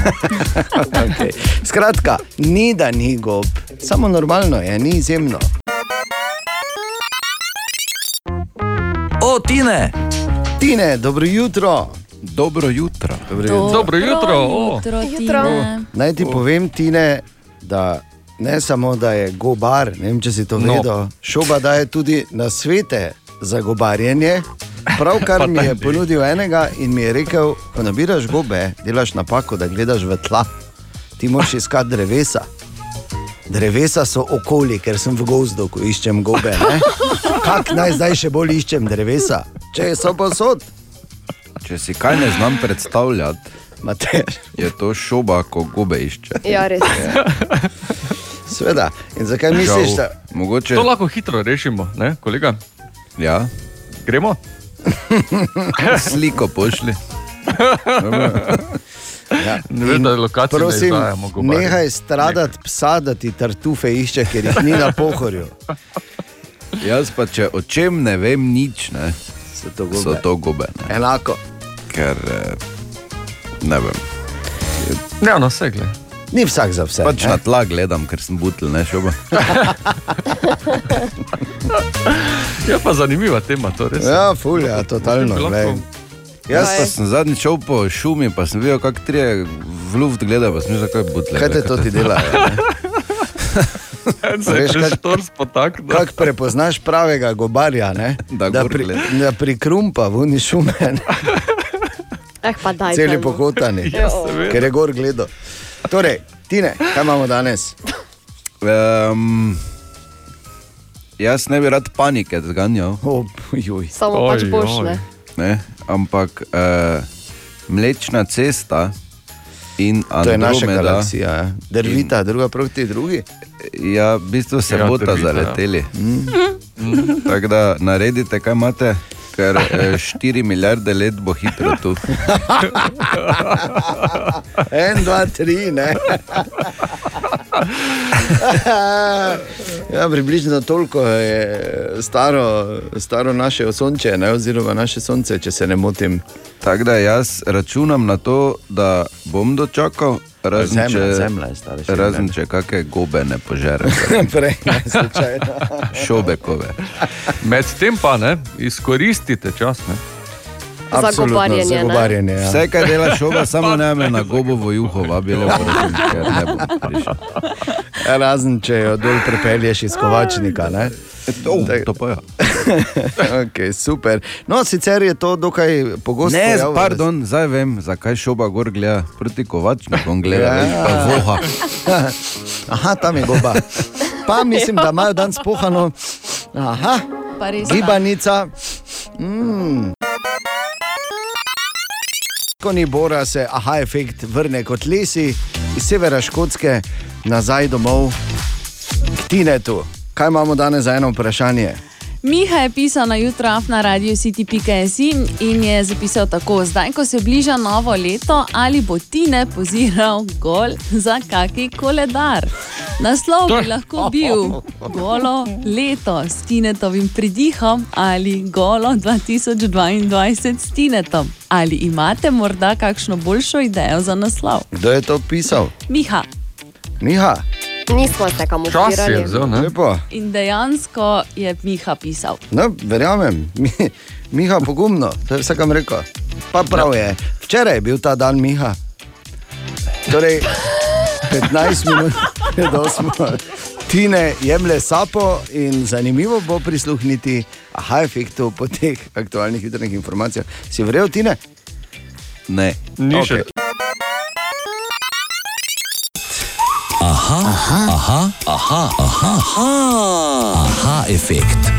Aha efekt, ki ga je prevzel Tine, jaz današnjega vprašanja niti prebrati nočem. Katja. Miha, zdaj, ko se bliža novo leto, ali bo ti ne poziral gol za kaki koledar? Naslov Dobro, bi lahko dobro, bil dovolj, dovolj, leto z. dovolj. Ne, Pusti me, golo leto s Tinetovim pridihom Kako ali golo veselje, no? 2022 s Tinetom. Kaki. Ali pa imate mogoče kakšno boljšo idejo za naslov? Za začetek, s takim navdušenjem, kot to Ja, res je. bereš, bi jaz rekel, da si ti Miha. Prvo. Tu imaš zdaj, Katja. Ne, nastavi roko, nastavi alter nastavi dlan. Tak, Ne, ne. Boš ti tako brala. Ja. Boš ti tako brala. Kako je vesela, bila pa kaj si ti. No. Ti pravim, da je ona Miha. Ne, Jaz ne, se jo ne. tudi sumim, že malo. Ziher. Eh, pa se jaz to upam ker je še tako poudarila, ne, da Miha je res poslal. Ne, seveda je. Pa pojdite na naš mail pogledat, če mi ne verjamete. Gremo vsi gledati. Kaj že imel zdaj? Ja, nič, hvala za odgovor, Tine. Ne, vse imam odgovor. Ne. Samo ti ne, ta nežni ne, pušča dveri priprte. To je vse, kar bom rekel. Ali tudi vi pogosto totavate v temi? Aha, efekt, da boste vedeli več. Če enkrat želimo dobro jutro, vsem. Dobro jutro. Dobro jutro. Ja, vsake toliko pa je treba zagrizti oziroma ugrizniti v kislo jabolko, se Ojej. zgruditi nezavesten kot snegulka. Ne? Snegulka. Ja, snegulka. Ali pa snegulijo, Opala. oziroma snehulijo. To- Snehulijo in Ja, snehulijo in čakati na princa ali princeso, ampak uh, torej, dejstvo je, da, uh, da se uh, vse poprek. In to ne uh, toliko, recimo v gostilnah, tega smo navajeni tu na Štajerskem že desetletja, ampak uh, ta sovražni govor, lažne novice in vse to postaja vedno resnejša težava, vedno večji problem na družbenih omrežjih. To vemo vsi, ampak včasih se zdi, da bi bilo najbolje kar vse skupaj izklopiti, resetirati Ja. in začeti na novo. In prav nekaj takega naj bi se dogajalo, oziroma nekaj takega razmišljajo, da bi naj naredili, in to je za nas raziskal David. Ja, v bistvu se govori o tako imenovanem rebootu, ki bi socialne mreže naredil bolj kulturne. V bistvu. Na univerzi Harvard celo obstaja inštitut, ki je posvečen temu in tam se torej trudijo, da bi v naslednjih treh letih preobrazili komuniciranje preko spleta. In zdaj pride na vrsto vprašanje, ali je to sploh možno in kako bi to lahko bilo možno. Na tem inštitutu menijo, da algoritmi nalašč izkoriščajo nekatere človeške lastnosti, ki nas po domače povedano razjezijo in pri tem držijo našo pozornost dlje časa, kar pomeni, da tudi potem več zaslužijo. Ideja pa je, da bi takšne zadeve nastavili malo drugače in s tem pričakujejo, da bo negativnih učinkov teh omrežij manj. Profesor Rudi Klajnšek pa je povedal to. Jaz sem skeptičen do tega in tudi do raznih poskusov teh rebootov in resetov. Jaz mislim, da to preprosto je izven možnosti kontrole. Družbe pač trošijo ogromno sredstev, da se gasijo posledice. Ne? Zdaj razni programi in tako naprej, ampak učinek tega je sila born in a, to je pač stranski učinek tega, da Zahod, zahodna moderna družba verjame v tehnologijo kot eh, sredstvo za odrešitev. In večkrat se pa potem pojavijo senčne plati eh, te tehnologije, in podobno je bilo tudi z jedrsko, naprimer energijo. Ne? Torej, obstaja pozitivni vidik, obstaja pa seveda negativni vidik. In treba je omeniti, Facebook je tukaj že začel s preverjanjem objav s pomočjo umetne inteligence, ampak Seveda, zopet je vprašanje parametrov in tako naprej. Skratka, popolnoma v duhu družbe se verjame, da bomo problem, ki je nastal z razvojem tehnologije, rešili z še več tehnologije. Ne? in njegova rešitev oziroma nasvet za vsakega posameznika. Da jaz sploh ne vidim rešitev, razen to, da se posamezniki pač preprosto izklapljajo z interneta in da preprosto jim pride prek glave in nehajo spremljati. Ne. To, to je edino, kar se mi zdi smiselno in možno. Ali pa seveda uporabo zmanjšati, omejiti na najnižji možni nivo. E, mimo grede e, se zelo strinjam z, z dr. Klančkom, ki je rekel, da, pač, da se enostavno izklopiš pa na tak način. E, no, ampak e, zdaj, e, kar pa se preverjanja tiče, ne, kdo bo zdaj recimo preverjal vse to? Kdo bo preverjal ta reboot država? Ja, tega pa niso povedali, se pa v bistvu to že dogaja na nekaterih koncih sveta. En način je to, kar se dogaja naprimer na Kitajskem ali pa na Bližnjem vzhodu, kjer pa se preprosto zablokira uporabo enih informacij enih platform. Tu je potem problem, eh, torej vprašanje demokracije, cenzure, svobode govora in eh, ta gordijs, gordijski voz v bistvu jaz eh, res, mislim, na Kitajskem poskušajo pač tako, da presekajo dobesedno ves ne, državljanov z določenimi informacijami. Kar pa seveda ni najbolj najbolj ugodno oziroma pozitivno. In a, potem nas to vedno pripelje tudi do razmišljanja nekaterih, ki pravijo, da bi morali več vložiti v a, neke vrste izobraževalne akcije, torej da bi a, uporabnikom preprosto dali več informacij. Klajnšek ni optimističen na tem področju, glavna težava je seveda količina informacij. da bi pa prek nekih ne, poskusov, naprimer, lju- ljudi naučiti eh, strpnosti, civiliziranega komuniciranja, preverjanja informacij in tako naprej. Mislim, to je pa po moje pesek v oči, ker uh, ljudje so obremenjeni z vsakdanom in uh, nihče nima časa, energije, da bo preverjal informacije na tak način, kot to znanstveniki počnejo. Pa tudi, če se ljudje nekako naučimo nekaj preverjati, kontrolirati, ima tehnologija seveda nov odgovor za to. Uh -huh. Ja, kaj bi bil svet idealen, ne, če bi se vsi, ki uporabljajo socialna omrežja, em, ravnali po tistem včerajšnjem tvojem navodilu, da ne. Ali res moram to povedati, ali res moram to povedati jaz, in ali moram res to povedati zdaj v tem trenutku. Ja. A ja, jaz mislim, da je neko pohane.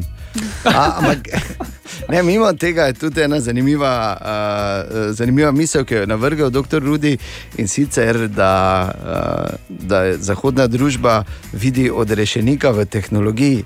In to je recimo interesantno razmišljati zdaj, ko se naš uh, zveličar pogovarja še z nulkami in enkami, ko se bo začel meniti kvantno. Oj, oj. Kaj še le bo pol? 13 minut čez 8. Po pameti, predvsem prijazno in z mislijo na sočloveka. Se lotevajmo stvari, pa bo vse skupaj lažje. Ja, Dobro jutro. Dobro jutro. Kviz brez Google. Oh -oh. Tomaš. V kvizu brez Google pa danes z mano. Aljaš, zdravo. Zdravo. Zdravo, Aljaš. Okay. Torej, če si pripravljen, sem pripravljen. Gremo najlažje vprašanje za 10 evrov. Kako se imenuje tisti trak, ki ga nosijo misice, veš, ko gor piše? Lenta. Lenta, tako, že imaš 10 evrov, odlično, gremo malo teže za 20 evrov. Če slučajno veš, kako se imenuje neodločen rezultat pri šahu. Veš, ko je... Pat. Pat, ne vemo, kaj Ja, ne? ja, ja. Ok, 20 evrov že odlično, da vidimo, če se spomniš, kaj, če nisi slučajno premlad za to vprašanje, ali se spomniš, kako se piše nekdanja vrhunska hrvaška teniška igralka Iva. Iva, hm, hm. Tu pa me imaš, tu pa ne veš. si premlad. Sem premlad, očitno, zato nisem očitno starejši. Ne bi šlo? Ne bi šlo. Zaključimo torej. Lahko zaključiva. V redu, ali až 20 evrov tvojih, odlično, čestitke. Hvala. To je pa bila Iva Majoli, če si kdaj slišal.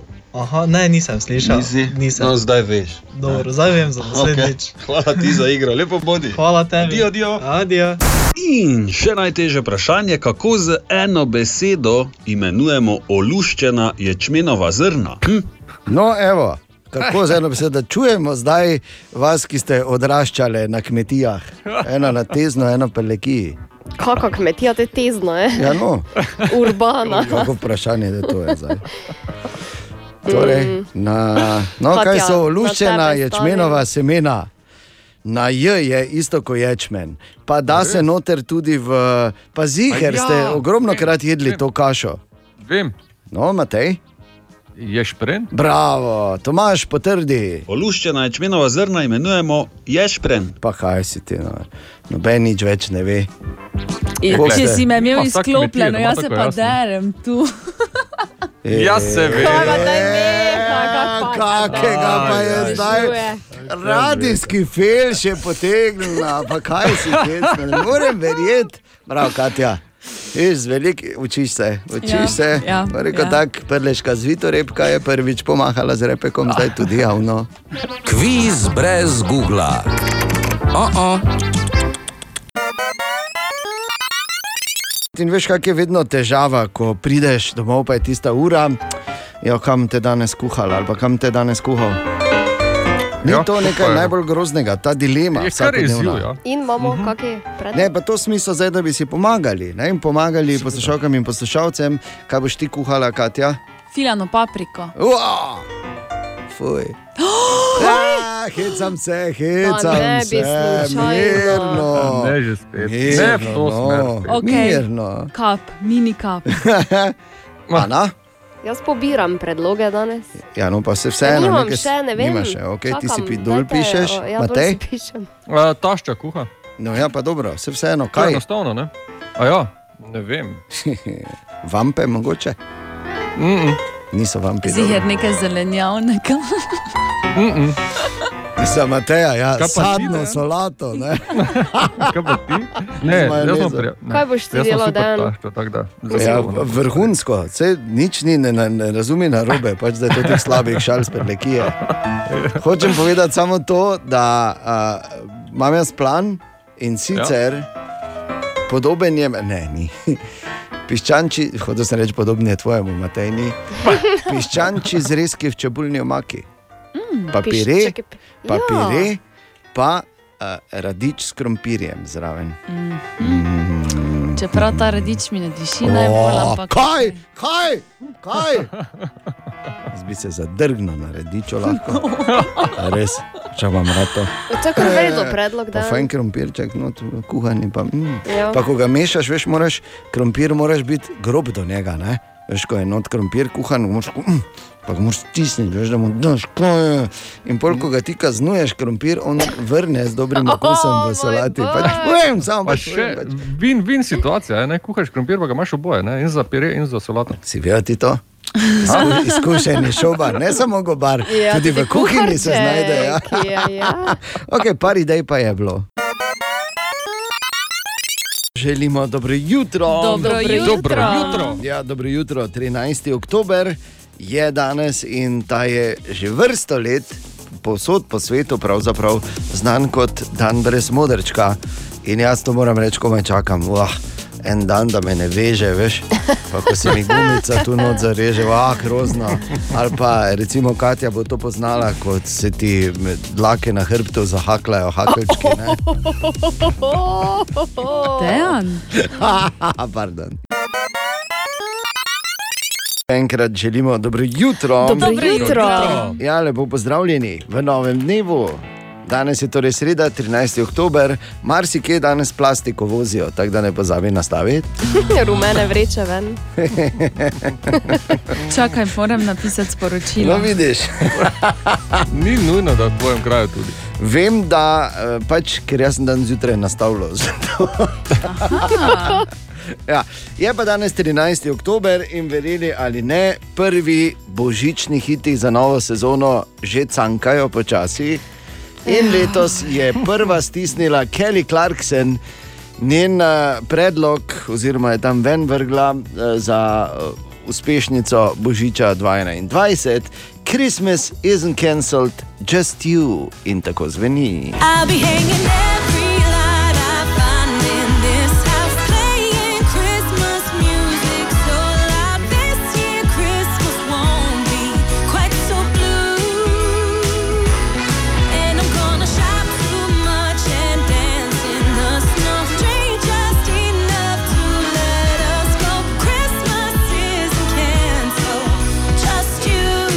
lahko slišimo tudi na ta božič, lahko pričakujemo velike spremembe in inovativnost. ne? Ja, res. Kako drugače zveni od vseh ostalih. Ampak, Kje eh, imamo kuglice pospravljene? Ja, ne, še ti čas. vleč ven še. In a, prihaja nova od Nore Jones, tudi že ta petek, recimo tudi božična, čeprav napovedujejo, da bo absolutni hammer med uh, božičnimi hiti letos, duet, ki sta ga pripravila Ed Sheeran in Elton John. In to naj bi ja, bil že zdaj, pravijo, da rešeno, brez veze, da davate. Sploh ne rečem da. mislim, ja, ne. Ker imamo uspešnico Božiča 2021. Okay. Ampak je 13. oktober, malo še vseeno zgodaj. Še ena uh, ne nujno sorodna zgodba uh, v tej, bom rekel tako, na momente, vsaj po mojem mnenju, celo smešni goni po politični korektnosti, se zdaj uh, dogaja tudi, oziroma se bo zgodilo A, a. meseca novembra. Ja. In sicer sin Supermana, Jonathan Kent, oziroma John Kent, sin Clarka Kenta in Lois Lane, torej Mhm. sin Supermana, uh, naj bi v prihodnji ediciji, v novemberski ediciji stripa, uh, postal tudi uradno biseksualec. s čimer absolutno nič ni narobe, da ne bi kdo narobe razumel zdaj tega. Ne? Samo pač povem, da malo je nenavadno. Ne? Torej, a, v prejšnji številki naj bi se z novinarjem po imenu Jane Nakamura spoprijateljil in novembra naj bi se že poljubljala. To je kar hitro, čist drugače kot pri nas v srednji šoli. Še dolgo smo mogli mi čakati, pa nikoli dočakali. Ne na isti način, no, ampak se vseeno. Uh, ja, in uh, mali Superman bo torej uh, postal politično korekten, in zdaj so, potem ko je že recimo vem, Robin od, od Batmana se jasno uh, proklamiral kot biseksualec. In, ja, veš, ogromno jih je pa zdaj. Ne? Mo- Mogoče bo, pardon. Ne vem, no. Mogoče bo Green Lantern povedal, da je črn. Ne vem, bomo videli, kam si. Ja, no, pač hočem povedati v tej gonji po politični korektnosti. Ampak uh, še enkrat prav je, da je tako, nič ni narobe s tem, bi pa samo mogoče. Vseeno, kot nekdo, ki je odraščal s Supermanom iz mojega zornega kota, povedal, da pač očitno mali Superman dejstva, da je Ata pomagal vsem, ni prav razumel.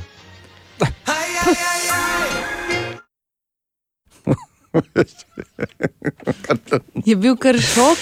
A, sam sebe sem presenetil s tem.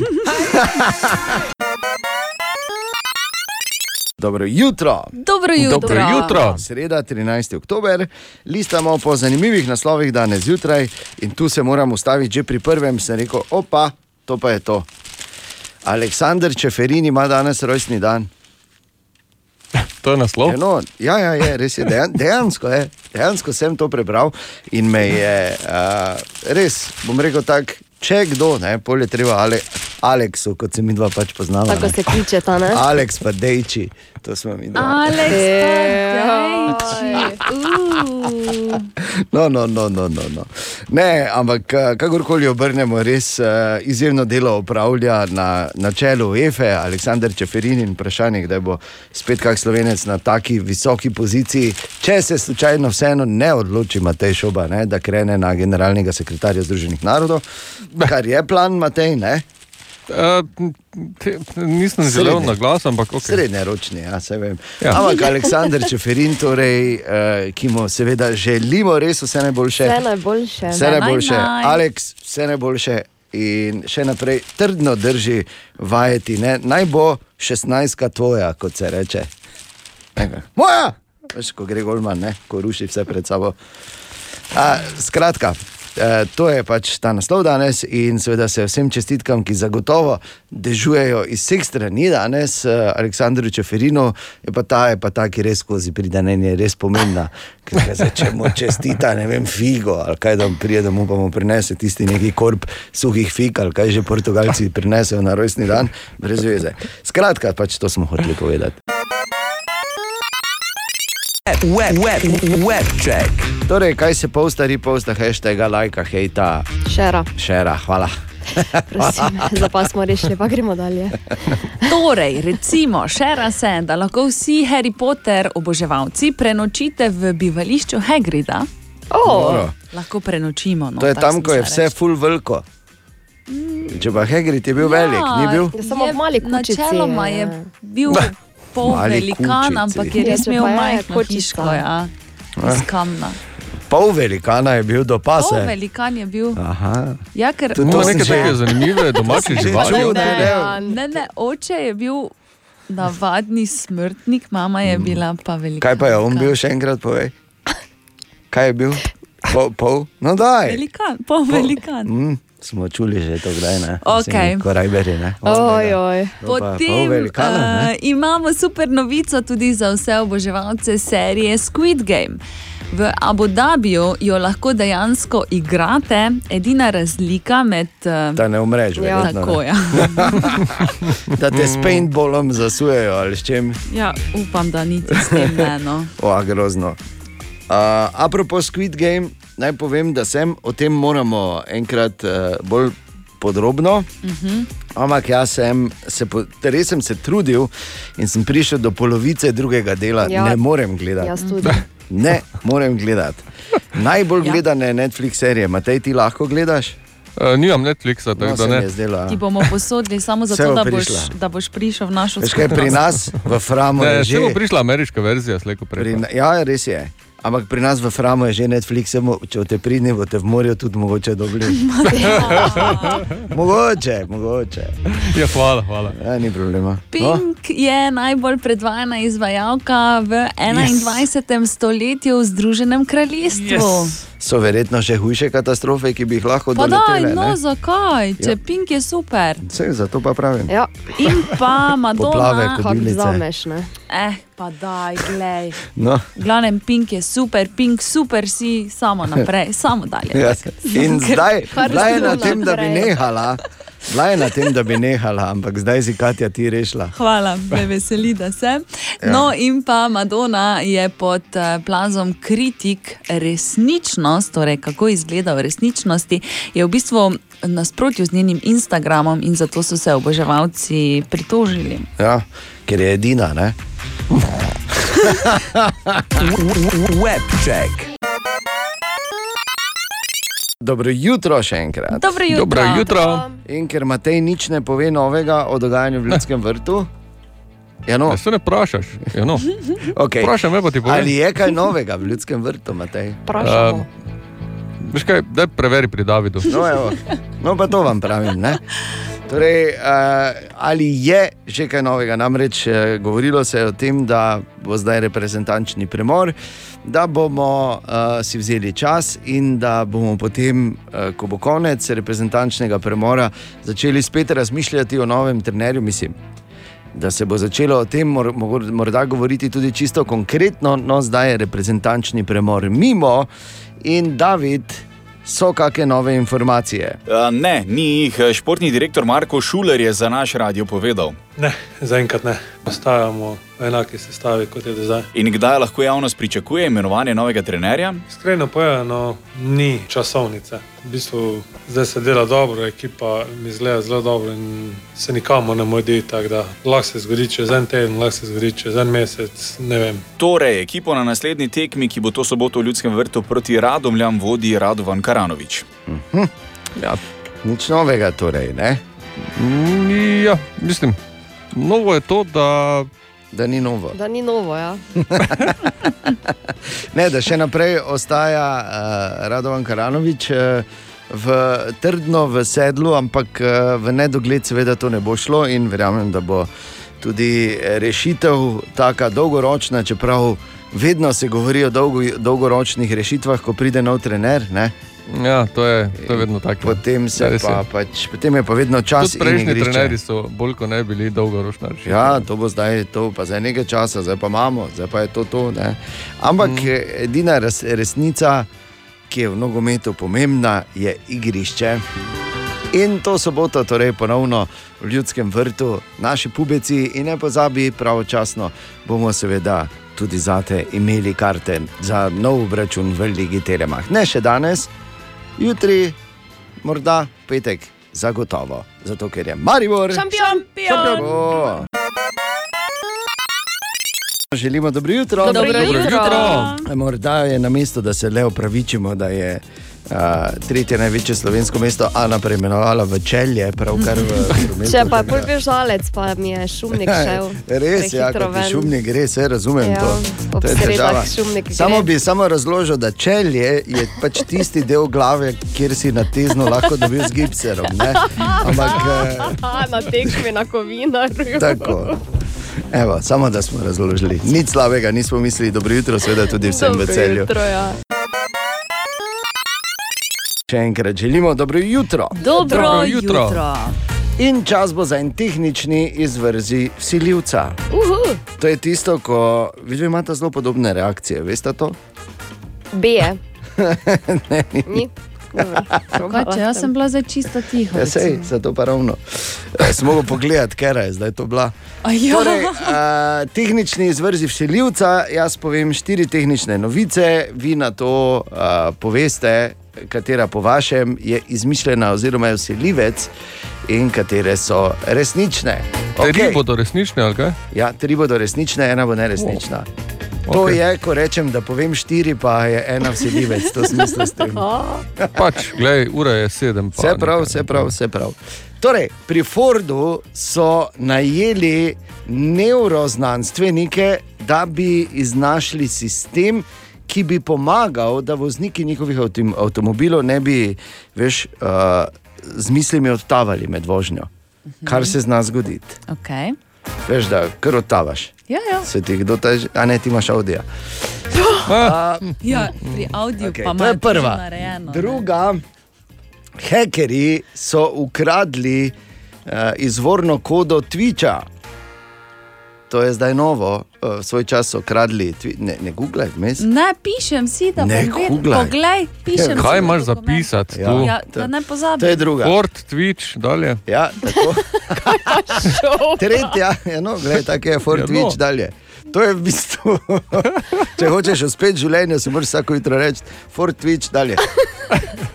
A, tretja, da so v Mehiki zgradili vas z 200 hišami s 3D printerjem, v bistvu, ne, tem gradbeniškim. In pa četrta, da je uh, v prejšnjem tednu na top 10 Billboard- Billboardove lestvice prišel hit, ki je bil v celoti spisan s pomočjo umetne inteligence, in uh, v bistvu so ga pri TikToku lansirali. Katera od teh štirih je vsiljivec? Torej, tri so absolutno resnične, ena je vsiljivec. Twitch. Twitch pravi, Ana, for Twitch vertik. Jaz rečem, jaz rečem. Mehiko. Ti rečeš Mehiko, torej Ana pravi, da so ukradli Twitchovo izvorno kodo, da je vsiljivec, Matej, da so v Mehiki postavili vas z 200 hišami, s 3D printerjem. To je ziger prav. Ja, Pa tako. Matej Webček boljše posluša naslednjič. In Katja, kaj pa ti praviš? Jaz tudi rečem za hekerje.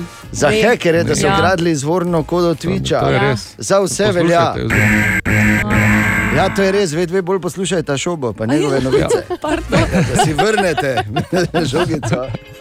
Torej, za enkrat še umetna inteligenca A, ne bo- piše hitov, ki Pa bi prišli v top 10. Vse ostalo pa absolutno drži. Torej, tako za 3D printanje, kot za Forda in eh, neuroznanstvenike, kot za uh, Twitch in izvorno kodo. Tako da, žal, nagrada ostane Ja, tukaj. pa- odlično, dejan, čestitam. Pa ravno danes, ko smo imeli mesec dni vožnje z novim Ja, ja, Volkswagenom. Ja, ja, ID4, se, ja, ravno ja, danes ja. ostane meni. Včeraj je torej na nek način kar odjeknila novica, da se bodo kar podražili energenti. Je tako? Ja, Yep. Tako žal. Med drugimi naj bi se elektrika podražila za 30 odstotkov in to že s 1. decembrom. In zato sem jaz razmišljal, in to je zdaj zgolj retorično vprašanje, ki pa pač ponuja razmislek. Retorično vprašanje, če se bo elektrika podražila za 30%, ne? kaj če mi pol delamo 30% manj, smo na istem.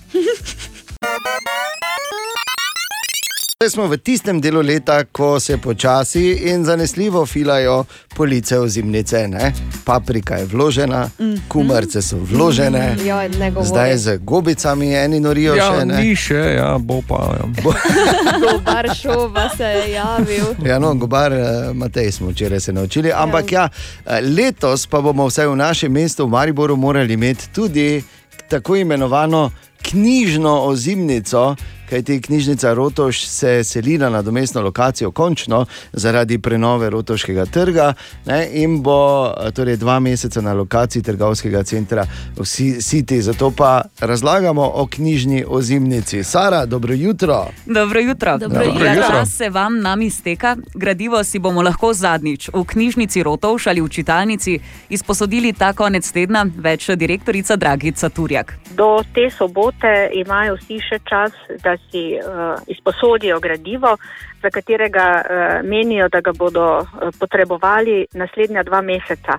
V tem času bo namreč uh, knjižnica Rotovš, torej oddelek za odrasle in pa čitalnica zaprta, ker bomo selili res ogromne količine gradiva in celotno opremo, torej police, na nadomestno lokacijo kjer uh, bomo ponovno začeli uh, z delom, predvidoma 20. decembra. Da bo selitev še lažja. Do 5. januarja ne bodo obračunavali opominov in zamudnin za gradivo izposojeno v knjižnici Rotovš ali čitalnici, medtem bodo pionirska knjižnica in druge enote normalno obratovale.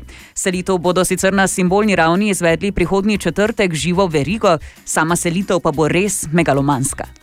Preseliti moramo okrog 160 tisoč enot gradiva. Če to izmerimo v kilogramih in tonah, govorimo o več deset ton gradiva, pa kakšne 4 km policije treba razstaviti, prepeljati in ponovno sestaviti. Zanimanje za izposojo pa zadnje dni trikrat ugibajte, raste. Ja, absolutno, odlično in sem vesel, da raste. Uh, in zanimivo je pač gradivo, kot se kot pač mi knjižničari imenujemo. Ne, to, pač knjige. Ne. Gradivo si je treba zdaj narediti. Na zalogo. Ja, kaj je, kaj nikoli noben ni delal? Ali si ti imate kdaj delal v šolski knjižnici, na drago kobala? Uh, delal, misliš, kaj Nisi- delal? ja, delal kot bil, bil v službi ja, tam? V knjižničarskem Ne, krožku nisi bil. Ne. Nisi bil? Mislim, da ne. Ne vem. Eh, katastrofa. Ti si bil, ali kaj? Seveda. Knjižničar, Kako misliš, da sem- do najboljših knjig vedno prišel? Takrat, če to bilo kaj vredno. Ampak res brez heca, nekaj časa bo zaprta knjižnica Rotoš, naredi si zalogo, gradiva, ne, kot rečemo mi knjižničari. Dobre, tri minute so čez pol osmo, želimo dobro jutro. Dobro jutro. Dobro jutro. Sreda 13. oktober, naj samo spomnim, že vrsto let ta dan slavimo kot dan brez modrčka. In eh, še enkrat moram povedati, jaz sem tako zadovoljen, da oh, me danes nič ne reže, štu pod lopaticami. Da bi Ah. le si enkrat probal. dati, dati, dati. Čeprav moram pa reči, da ta občutek, ko ga daš pol dol, Povej malo več o tem, občutku, Katja, kako smo. No? Čakaj, se smo naredili tišino, kar razloži. Ja? je najboljši občutek. fajn je, res, no, no. Dobro jutro. O, Tine! Dobro jutro, Tine. Dobro jutro. Dobro jutro. Dobro jutro. Zdravo. O, Tine. Domine. Ok, smo se zdaj pozdravili. Ja. Hvala, gremo zdaj v Doktor, bodoče. doktor, Samo, doktor, ja, jaz, doktor, jaz, doktor, doktor, doktor. Okay, naj samo povem, uh, bodoče samo jaz pozdravim, ker drugače to predolgo traja ta veriga. Bodoče pa bi te vedlim prosil, ker od tu, razen pač punt, seveda, ne, mm. tu pri nas samo jaz vem, kak je občutek, ko si odpreš modrček. Modrček, res je, res. Ampak veš, kolikrat sem te gledal zraven, da se ne menimo, kolikrat Kolikrat si sem ti ga odpiral. Ja. Če imam na pet totih eh, šnolic, Ja, ne, te pa ne. Veš, to? Tine je dobil Koliko enkrat za darilo. Ne, ne, Za darilo sem dobil vijolični, ampak je za velike zize. Ja. Jaz bi samo opozorila na očitno tukaj, priznala sta, da si modrčka odpira. Ja, seveda. Kaj pa imaš ti not v tem? imenu, eh, ja, seveda, slabo si hodila. Ne. To je, To po, je pa pokazal zdaj, je že, To je pa zdaj, ne. pokazal je že na najmanj osmih predstavah, vedno na koncu, Ena kaj ima je- noter. Ena je Frozen žogica, ena pa Cars žogica. Tako. Glih prav velika, oziroma ravno Ja. prav veliki sta. In eh, mi dva si odpirava modrček, res je, oziroma jaz ga odpiram Tine tu, Katja, ampak v imenu umetnosti. Mhm. Ok, v redu. Tako. Sicer zdaj svoje. že dolgo, žal ne, upam, da bomo kmalo spet kaj odpirali. Ne. Eh, se glej. Šlo je, Ne, že dolgo ni nazaj zbrdo. šlo, veš kak. Se bi zdaj dalje nadaljeval, pa ne. Dobro, ti ne povej. Komaj čakam, da se štumfe nam reče. Ja. Popolnoma neprimerno. Pa da boš spet delal špičke, mi pred obraz, pa si tako počasi gor vleko, ne na to, kašna to. Da tako že pogrešam, da sem zadnjič po stanovanju, malo si Pa peta, da nisi. pete dolgo. Pa sem klompa, pa rekel, mali kaj to klompa, nič, nič. Ne. Dobro. Da sem si volt naročil, sem tako vun šel, ker sem pozabil. Ne, ne. Jo. Okay, torej. Ali je kdo izmed vas homoseksualec? Kaj pa te to je? Taki, Ne, o tem sem jaz razlagal danes dejano zjutraj. Ja, res je. To, je, to so ti, ki imajo ja. odnose z ljudmi, da lahko pri njih živijo. Joj. Ne? Se pravi, Zakaj to Katja ve? Ne, zakaj se o tem sploh menimo? To je koncept, ki ga ženske poznajo že tisočletja. Aj, daj, daj. daj. Aha, aha, aha, aha, aha, aha, aha efekt. Torej, da eh, razsvetlimo mladino, pravzaprav bi lahko danes bil podnaslov Aha efekta, kaj ti Matjaš je pisal in sprašuje, zakaj ste na tipkovnici po črko F in J, majhni črtici. Ti ne. Tako, eh, v bistvu sta stvar zelo preprosta, gre, Zelo. gre samo za to, za orientacijo lažjo, eh, ne, ker daš oba palca, daš gor, ne, na, recimo, na levega na F. Palca, nadaš? Ne, kazalca, pardon. Okay. Oprosti. Vem, če ti ne vem, petke je stroj pisal vse vzaj. Se bi imel trojko, samo sem švinglal. A ja, pardon. No, daš Ne, gor, trojke ja. ne bi imel. Veš, kak je, veš, kak se švingla pri strojepisju? ne. Da nas skrivaj gledaš. Ne? Da dol gledaš. je drugače, ne, za, zapiskal ne moreš imeti. Ne? Ja, res je. Tako Da, no, ja, eh, hotel sem reči kazalca, seveda daš levega na F, eh, desnega na J. In od tam dalje, to seveda gre za desetprstno tipkanje. Ne, zato ti- Slepo. Desetprstno slepo, to, ja. ja. To ti, ko zdaj z enim prstom, ne, tako to ti ne rabijo, do te črtice. Ne. Kak je že oni neki vid, za neki pes za vodnike, ne, slepe, da ga imaš, da te vozi tu. kaj. Pes vodnik, v bistvu.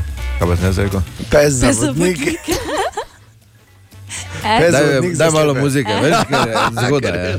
Ali tudi vi pogosto totavate v temi? Aha efekt, da boste vedeli več.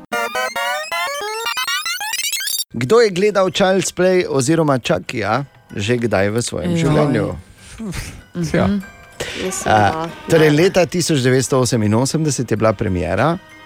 In od takrat je Čaki doživel številne eh, take in drugačne ponovitve, no včeraj pa, je, pa je bila končno premjera tako zelo pričakovane TV serije Čaki, A ja? oziroma Čaki, ja, tako.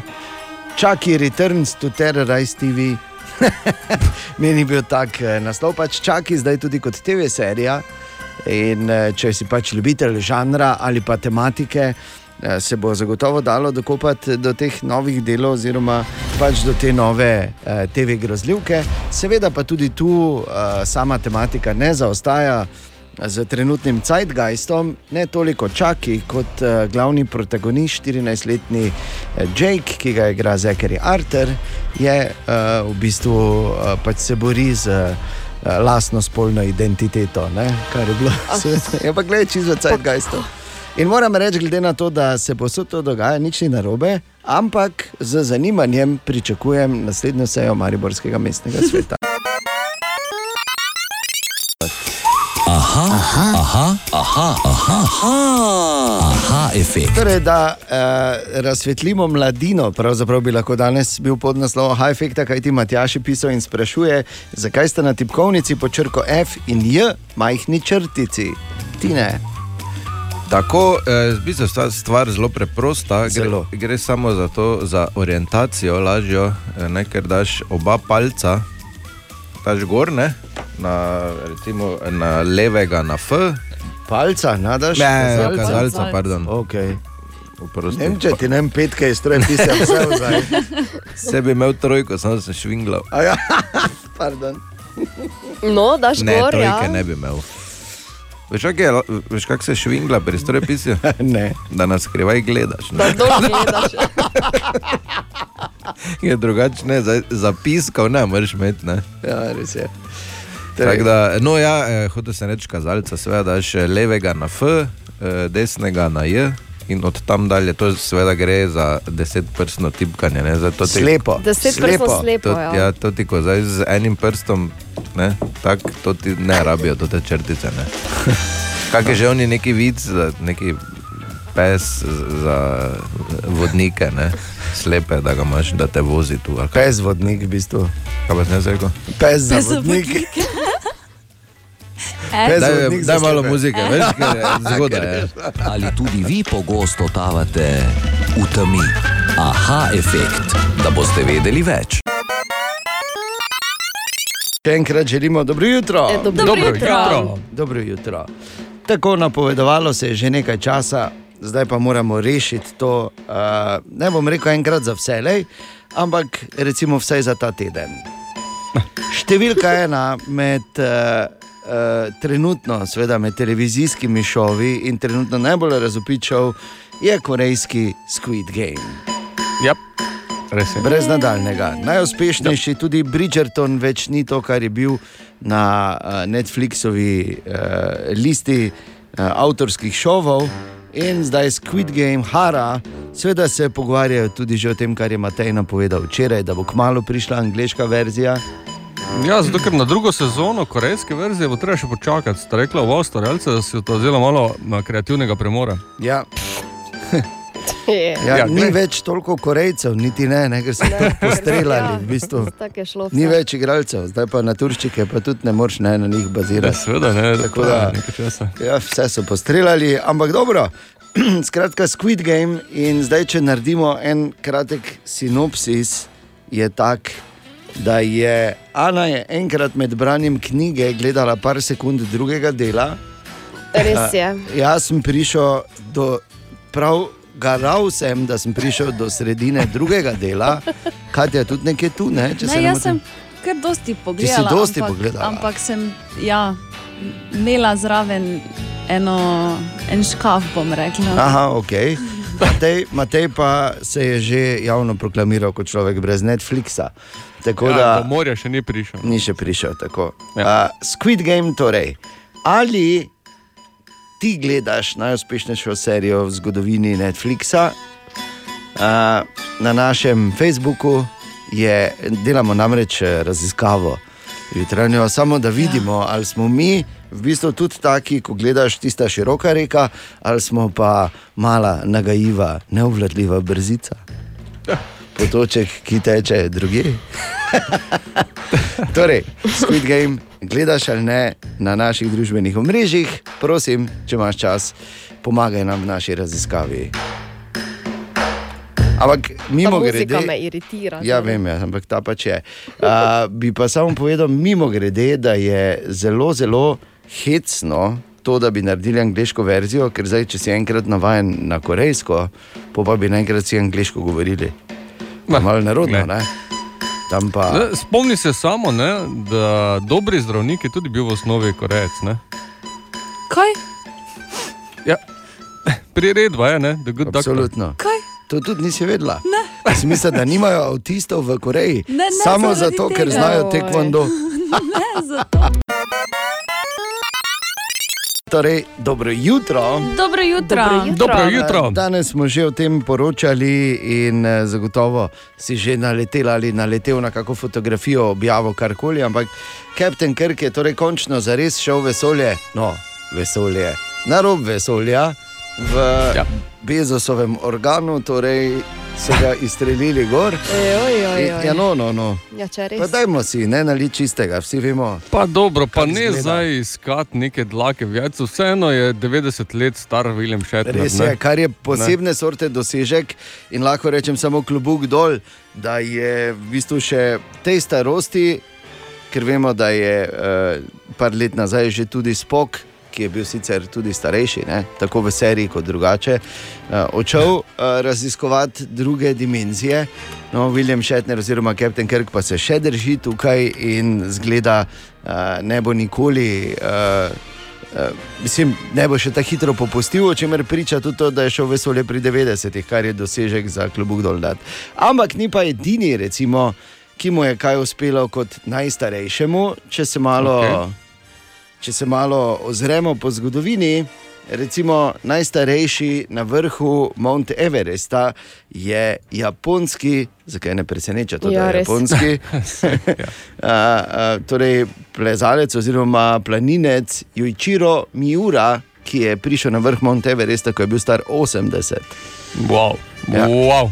Tako. Bravo, A, res. in čeprav se vemo, prišel je tudi dol, ker pravijo, da ti si zares osvojil eno goro, šele ko se vrneš nazaj. ne.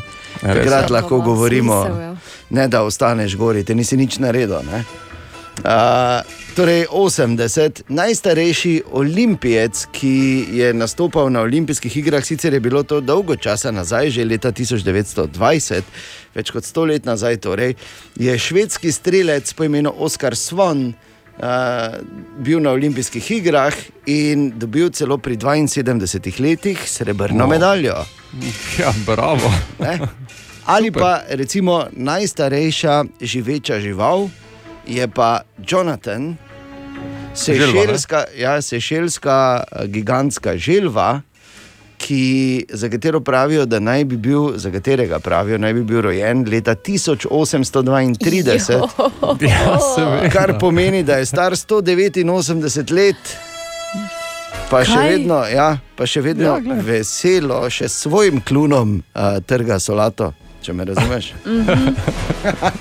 Tako da, ja, uh, so uh, sicer izjeme, ki potrjujejo pravilo, ampak vseeno super. Zakaj o tem govorimo? Predvsem zato, ker bo to ena od uh, vodilnih teh lahkotnih novic danes, zagotovo na ta četrtek, 14. oktober. Želimo dobro jutro. Dobro jutro. Dobro jutro. Ena od treh, treh, treh. Jutranji sprehod po zgodovini popularne glasbe. In tako je ura 15 minut pred sedmo, in danes je 14. oktober, ko svoj 81. rojstni dan praznuje Sir Cliff Richard. Oj, oj. Sir Cliff Richard, ki je bil tudi najljubši glasbeni ustvarjalec kraljice Matere, ne, Aj, ja. torej, starega, starega netopirja. Torej, Eno koleno nazaj, ki tudi ni bila mlada, ne, je bila kraljica Matera, ki je uh, torej rada poslušala Cliffa Richarda, ki je bil znan tudi po tem, da je na višku oziroma na vrhuncu svoje slave, kaj ti morate vedeti, on je popevec številka ena v Veliki Britaniji, vsaj v zgodovini, vsaj za enkrat. On je ob tem naredil tudi nekaj zanimivih stvari, recimo z Elvisom se ni hotel slikati. Ker je rekel, ko so ga, ga hoteli slikati z Elvisom, ne z njim, pa ne, ker je je debeli. Pa daj, no. Če pa res. Res je. In uh, za sebe je recimo tudi rekel, da ga je odločitev, da se odpove drogam in seksu, spremenila v najbolj radikalno rock zvezdo do zdaj. Oh. Ne, zaradi tega, tega dejstva. Najbrž res, verjetno. Ja, mogoče pač je bil na tem, da razpade. Pa smo rekli, gledaj, Klif, če še hočeš. Če da, ja, Eh, ja, se. Drugače te bomo pač sestavljali skupaj, ampak toliko, da boš krsto pasal. Ne? Ja. Skratka, Cliff Richard se še vedno dobro drži, 81. rojstni dan praznuje na glasbeni sceni, pa je praktično od konca 50-ih oziroma Ja. začetka 60-ih in vmes je nanizal številne hite, kot so denimo Living Doll. Crying, talking, sleeping, walking, living doll. Got to do my best to please her just cause she's a living doll. Pa some people. Some people they use one another so aimlessly, not like lovers do. Glede na to, da že uh, prodajajo tudi božične okraske, marsikje naj spomnim tudi na to njegovo.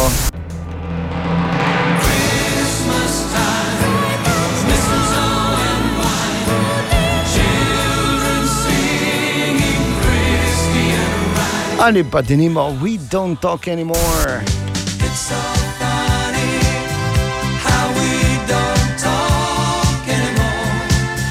Cliff Richard, tudi, to je tudi ta, ki je, to se bo morda Matej spomnil tam v, ob koncu 80-ih, eh, kar nekako posvojil našega pevca Aleksandra Meška ne? in mu omogočil neko določeno kariero tudi v Veliki. Britaniji. Ja. To se ne spomniš, Ja, nisi nekaj, takrat. nekaj malega se mi svita, ampak Spodaj levo, ne? Sir Cliff Richard, torej, danes je star 81. We don't talk anymore, celoti takoj po oglasih. Še enkrat dobro jutro. Dobro jutro. Ja, pozdravljeni. Dejstvo je, da obstaja ena od teorij, ki jo poznamo, ena od mnogih teorij, ampak ta je za mnoge zelo, zelo verjetna. Zakaj smo mi tukaj, kjer smo in smo na poti, kamorkoli že gremo. O, o. To Ja. so globoke, veš? Ja, To vem, to, vem, vem. vem. Tako, zato, ker smo si sami na neki točki pomagali. Aha. v srednji šoli. Ne, a, ampak, če, ne, da smo na neki točki dejansko šli nazaj v preteklost, odkrili tehnologijo za potovanje skozi čas, šli nazaj in si sami sebi pomagali. Smo rekli, vidiš to okroglo stvar, to smo, pristali smo na Ljubljanskem barju, smo rekli, vidite to okroglo stvar, to pa je zdaj kolo. In boš lažje mleko zjutraj peljal v zbiralnico. Čakaj, to je res teorija. Bili smo Ja, ja, s onim strojem seveda, nazaj, da smo seveda, da pomagali. smo, ja, da smo mi sami, v bistvu, da niso neki drugi vesolci hodili in delali tiste piste in ne vem kaj vse uh, v Srednji Ameriki, ne, oziroma v Južni Ameriki. In vse to, kar je, imamo, in so potem te slike in hieroglifi, in že pri starih egipčanih nekih vesoljskih ladij, ki se dol spuščajo. In ena od teorij, ki to uh, tudi počrtuje, je ta, da naj bi na nekaterih umetniških upodobitvah videli v bistvu pametne telefone. Ne? iPhone na slikah starih 100, 200, 300, 400 let, telefoni pa moderni in to naj bi bil dokaz o potovanju skozi čas. Ampak ali ja, je res to tako? je dober dokaz, Ja. trden čvrst. Ja. Ful dober dokaz. Ja. Ja. A je res tako, to je raziskal David, zdrav David. Ja, to se zdaj pojavlja. Ja. In kot ponavadi imajo takšne zadeve povsem normalno in pa logično razlago. E, je sicer res, da je možno, da je nekdo potoval skozi čas, jaz nisem strokovnjak za to, ampak en hiter izlet po eh, Googlu razkrije, da tisto, kar je naslikano, ni elektronska naprava, pač pa nekaj, kar je popolnoma običajno za tisti čas. En tak primer je slika z naslovom Mr. Pinchen in prodaja mesta Springfield, eh, na kateri je upodobljena ustanovitev tega mesta v ZDA. In na tej sliki je spodaj v sredini en ameriški domorodec, ki v rokah drži nekaj, kar je zelo podobno današnjemu telefonu in še začuden izraz ima na obrazu, kot da prvič nekaj vidi, tako da izgleda res kot telefon, ampak ni. Prodali so jim zemljo, v zameno pa so jim dali med drugim tudi ogledala in ta upodobljeni domorodec gleda prvič v ogledalo. Tako je vsaj naslikano na tej sliki. Tako. Ja. Zrcalo. Pa daj. Ja, ampak moramo ja. vedeti, to Saj so samo. iPhone Ima ogledalo, ne? lahko imaš funkcijo ogledala. Ja, kaj pa točno to, ja, to Ja, vidiš, seveda, bravo, seveda. Matej. Naj samo povem, da eh, je točno to, kar eh, pač želijo, da, da verjamemo. Ne? Teoretiki zelo te pravijo, da ja, to vam hočejo prodati. Ne. Ne glede na to, kaj je res ali kaj ne. Ampak obstaja pa ena slika, na kateri se pa prav vidi svetloba telefona, ki sveti neki punci v obraz. Kaj pa to, David? A, in gleda v ta predmet. Ja, podobno, ja. Zelo podobno pozo ima, kot mi danes gledamo in držimo Mhm. telefone. Govora je tukaj o sliki Ferdinanda Waldmillerja z imenom The Expected One, oziroma po slovensko pričakovani. Galerije jo datirajo med 1850 in 1860, se pravi, eh, res takrat še res telefonov ni bilo, ampak ta punca v rokah drži molilno knjižico. Avtor je želel s tisto svetlobo upodobiti moč besed zapisanih vanjo. Naši možgani enostavno delujejo tako, da prepoznavajo vzorce in časih nam domišljija malo zaigra in vidimo nekaj, kar eh, ni res, oziroma ne, saj ni dokaz za potovanje skozi čas. Tako. Pa jaz sem razočaran. Pa jaz tudi, kolo pa na barju? Nisem presenečen, nisem presenečen, da sta razočarani. Jaz imam raje ono o potovanju skozi čas. Imaš raje, ne? Ja. Jaz sem gledala te slike, pa Si gledala, ja. Pa si videla. Ne? e, telefon je. Mhm. Tako. No, naj samo povem, da pač. Seveda, da eh, si. Tako, pa se pravi, ne preseneča, nič ne preseneča, ampak samo pač, dajmo uh, probati ohraniti zdrav pamet in vseeno poslušati strokovnjake. Če pa seveda želiš verjeti, pa glej, Se nama pridruži Svet, z Ano, pa tako. lahko debatiramo. svet je vaše igrišče. Danes zjutraj imamo eno raziskavo na naših družbenih omrežjih in sicer, ker so tudi znotraj jutrajne ekipe mnenja precej deljena, ali gledaš trenutno najpopularnejšo ali pa najpopularnejšo serijo v zgodovini, tako je že postala Netflixa, Squid Game. Katja, kakšni so kaj vmesni rezultati? Kakšna deljena mnenja, če pa se strinjamo? Mi smo kar enotni. Ne, ne, deljeni smo, ker Ja. Matej nima mnenja, torej smo Ja, deljeni. Dobro, okay, pardon. Uh, v bistvu zelo tesno. Um, tam 52% da ne gledajo in da je katastrofa. A? Torej 48 pa ja, da je najboljša serija. Imamo sicer tudi kar nekaj komentarjev. Zagotovo. Mm, Nekateri so res navdušeni, potem med drugim pa, mislim, med tem, ko drugi res ne razumejo, kako je mogoče, da je takšna serija tako gledana. Gledali so po dve minuti, vgasnili dol. Pranje možganov gre, potem recimo Daj nehaj. zelo intenzivno prikazano, ampak skoraj tako, da, kot da bi se dogajalo v realnem svetu. Naj samo povem, da pač je treba pri vseh umetniških delih, če ti malo zraven razmišljaš, ne, veš, potem mogoče celo se dokoplješ do tega, kaj so umetniki želeli s tem povedati.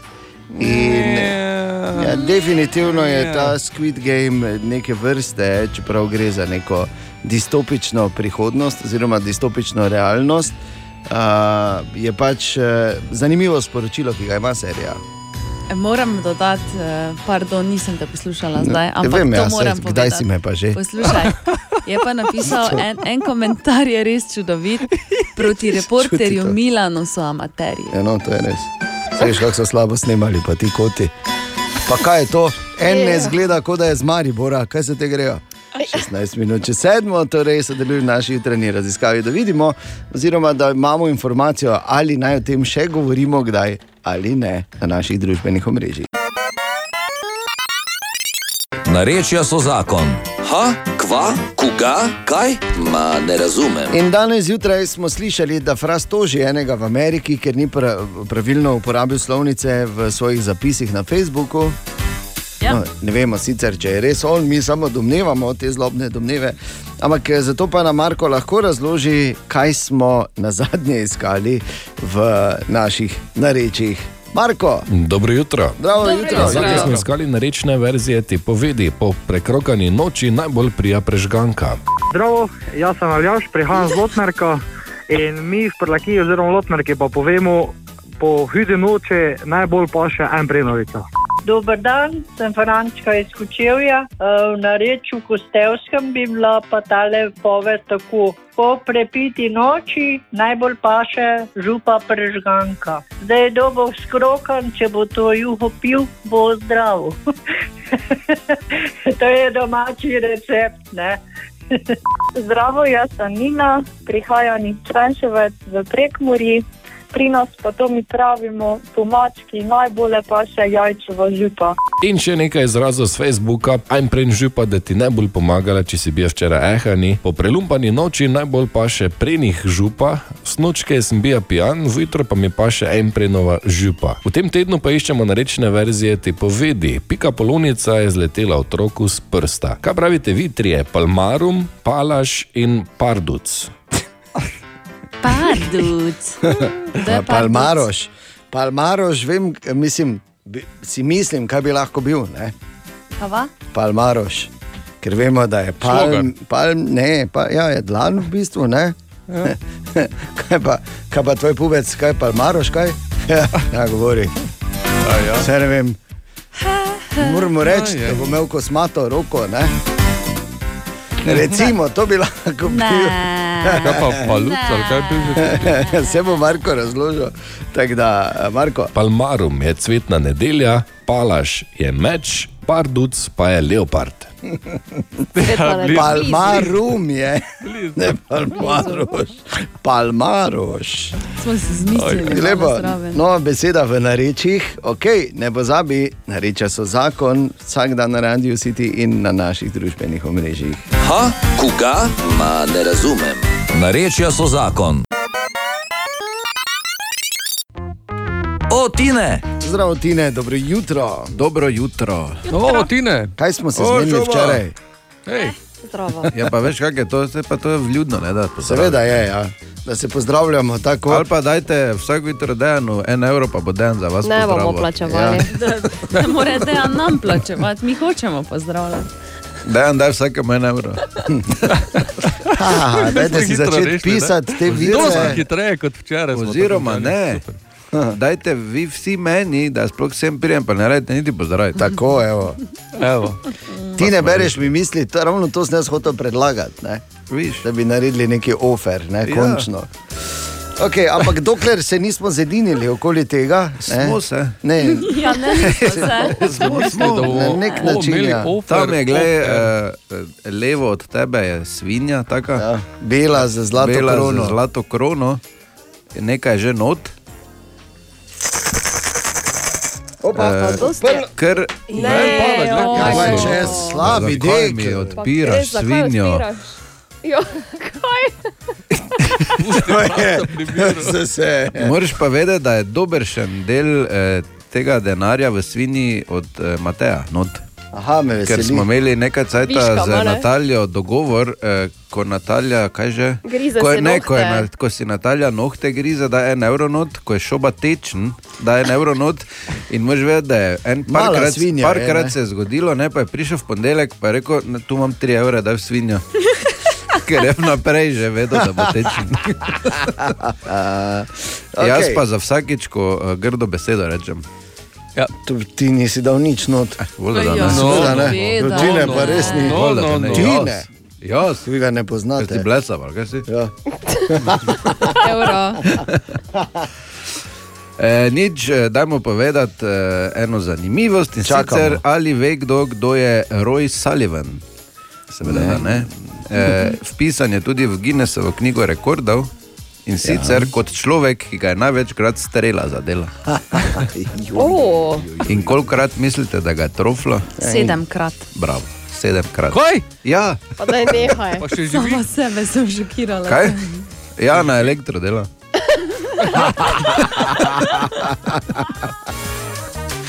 Zmes je bil za kratek čas na Duraselu. Tudi, Let, leta eksperimentirali. 42 ga je prvič, Kaj leta ne? 77 pa zadnjič. Zdaj pa ne vem, če ga je zadnjič kot zadnjič, zadnjič ne, ali, ali na zadnje, da ga je takrat. Ja, dobro, ne vem. ampak vseeno moraš imeti kar srečo, Ne ne, verjamem. da se lahko meniš Evo, pri še- streli. da šoba te ne zadnjič- verjame. No, seveda ne. Spominja me na enega Daj drugega note en vedlina. evro.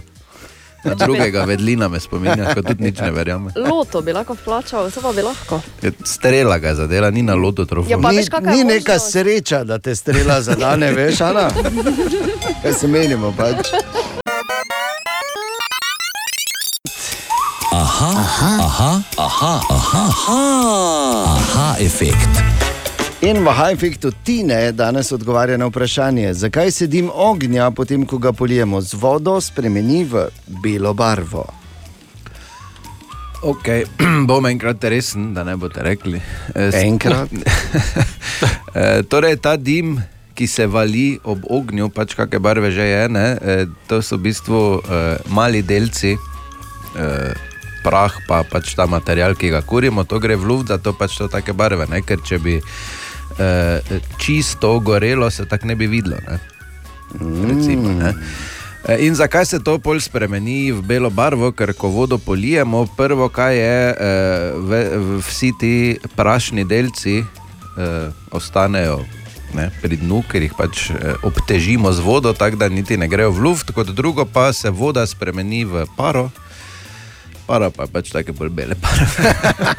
Para pa je bela, ker ko pogledaš eh, pomladi, poleti eh, v nebo in vidiš kumulusne oblake, so tudi bele barve. Je pa tudi pravim, ne? Pa absolutno.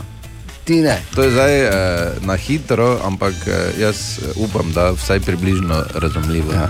Za poglobljeno analizo pa počakajte na prihod odbora in si prinesite E, ja, pojšter in odejo. pa še samo Katja te opomnil, da je jutri petek, pa da mi ja. ne bi s Ja. takimi vprašanji hodila z nekimi Dobiš dobro. zabavno vprašanje. Ne, ne, Ne ne. zabavno. Ja, kako zabavno? Pikantno. To ni isto, ja. Zapomni si petkovo vprašanje. Okay, Kaj torej, eh, dragi poslušalci, pozivam vas, da pošljete pikantno vprašanje. za Ti ne tu. Reta. Jutro af na radio city.si Tako.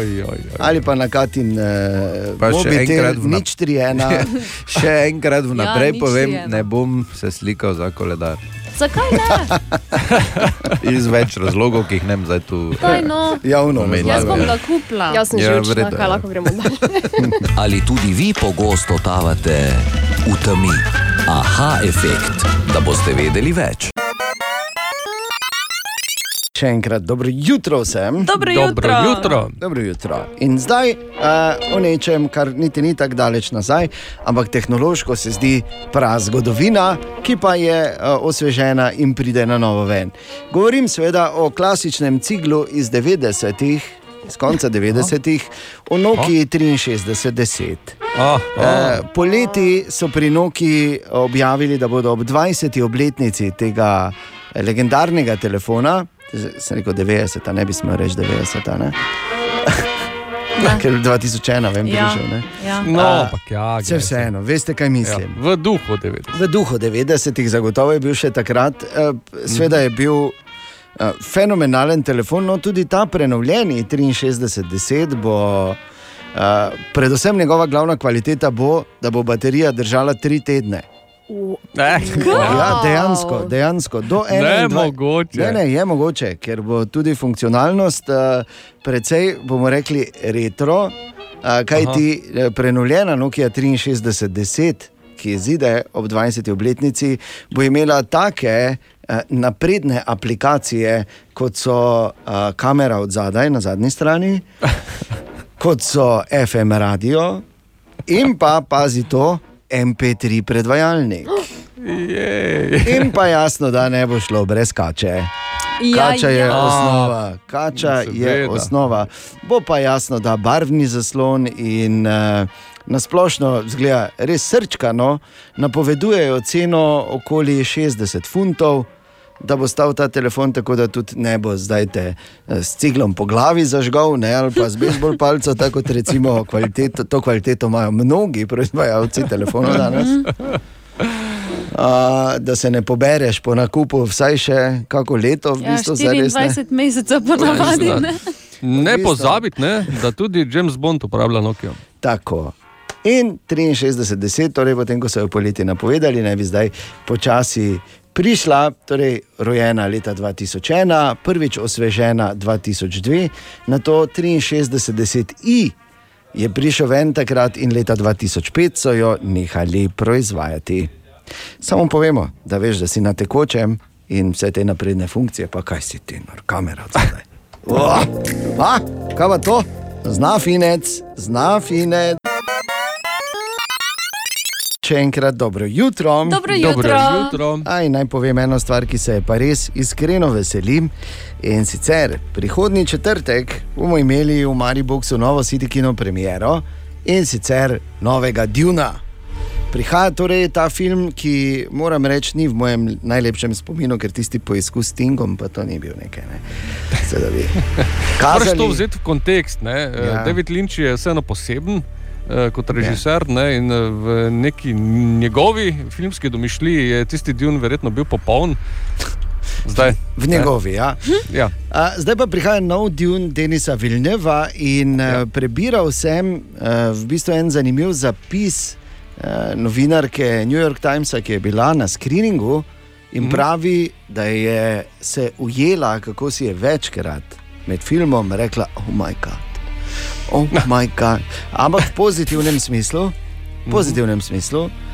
In ji je kar zaverjeti, kaj ti ne samo, da, um, da tu igrajo res uh, igravci, ki veliko obetajo, kot so Timotej Šalame, pa Oscar Isaac, ne na zadnje Javier Bardem, ampak Vilnevo Dune je stal približno 165 milijonov dolarjev, ampak predvsem zato, ker je zavrnil, da bi uporabljal najnovejše CGI tehnologije Yep. in je raje snemal v realnih puščavah Jordanije in Združenih arabskih emiratov.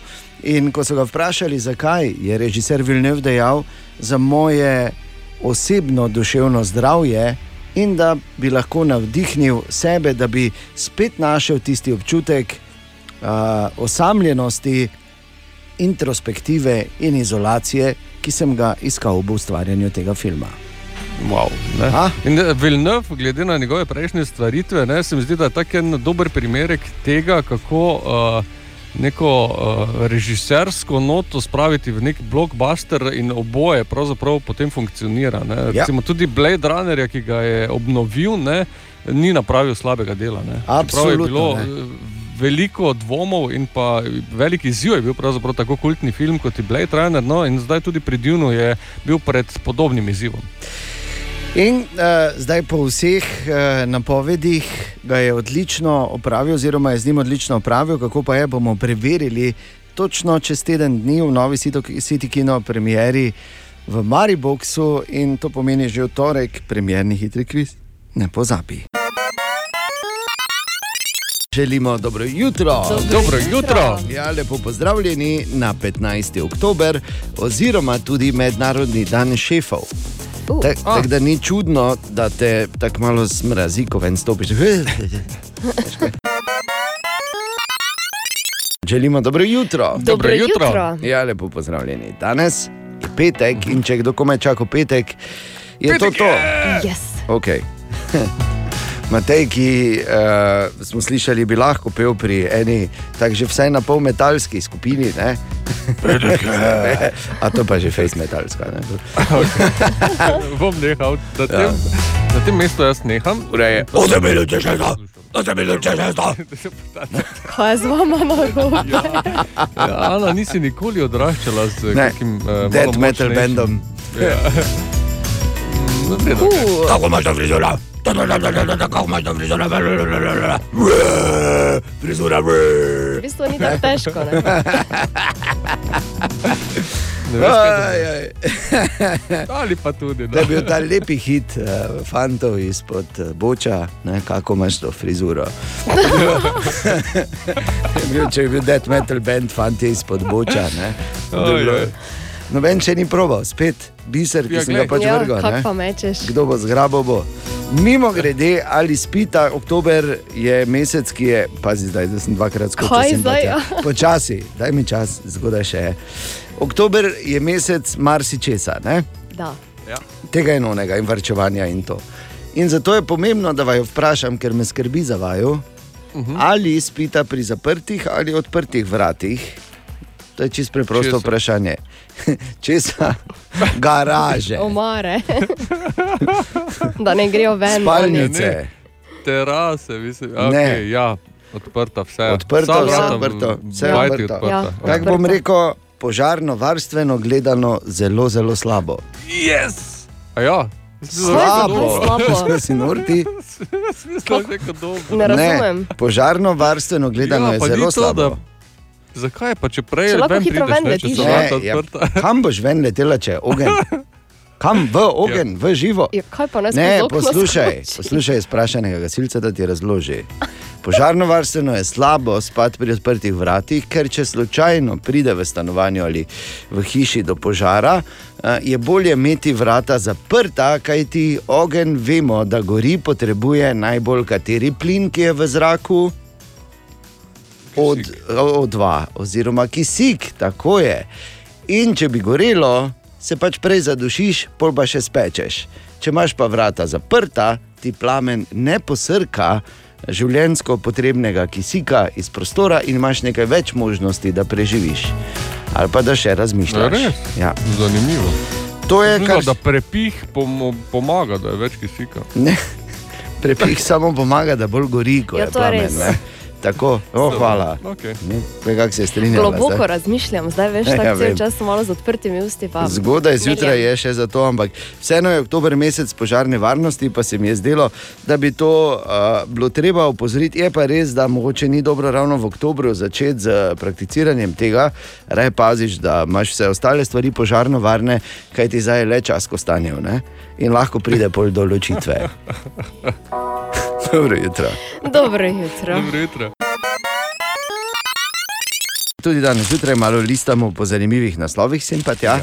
In jaz sem danes zjutraj naletel na enega, ki me je, mislim, te, po mojem bi se boljše počutil, če bi me nekdo vrgel v blender. Daj, daj, no. Verjetno Tako bi se, ne more ja, biti. ja, pa je. Kaj ti pazi, kako se naslov se prebere tako?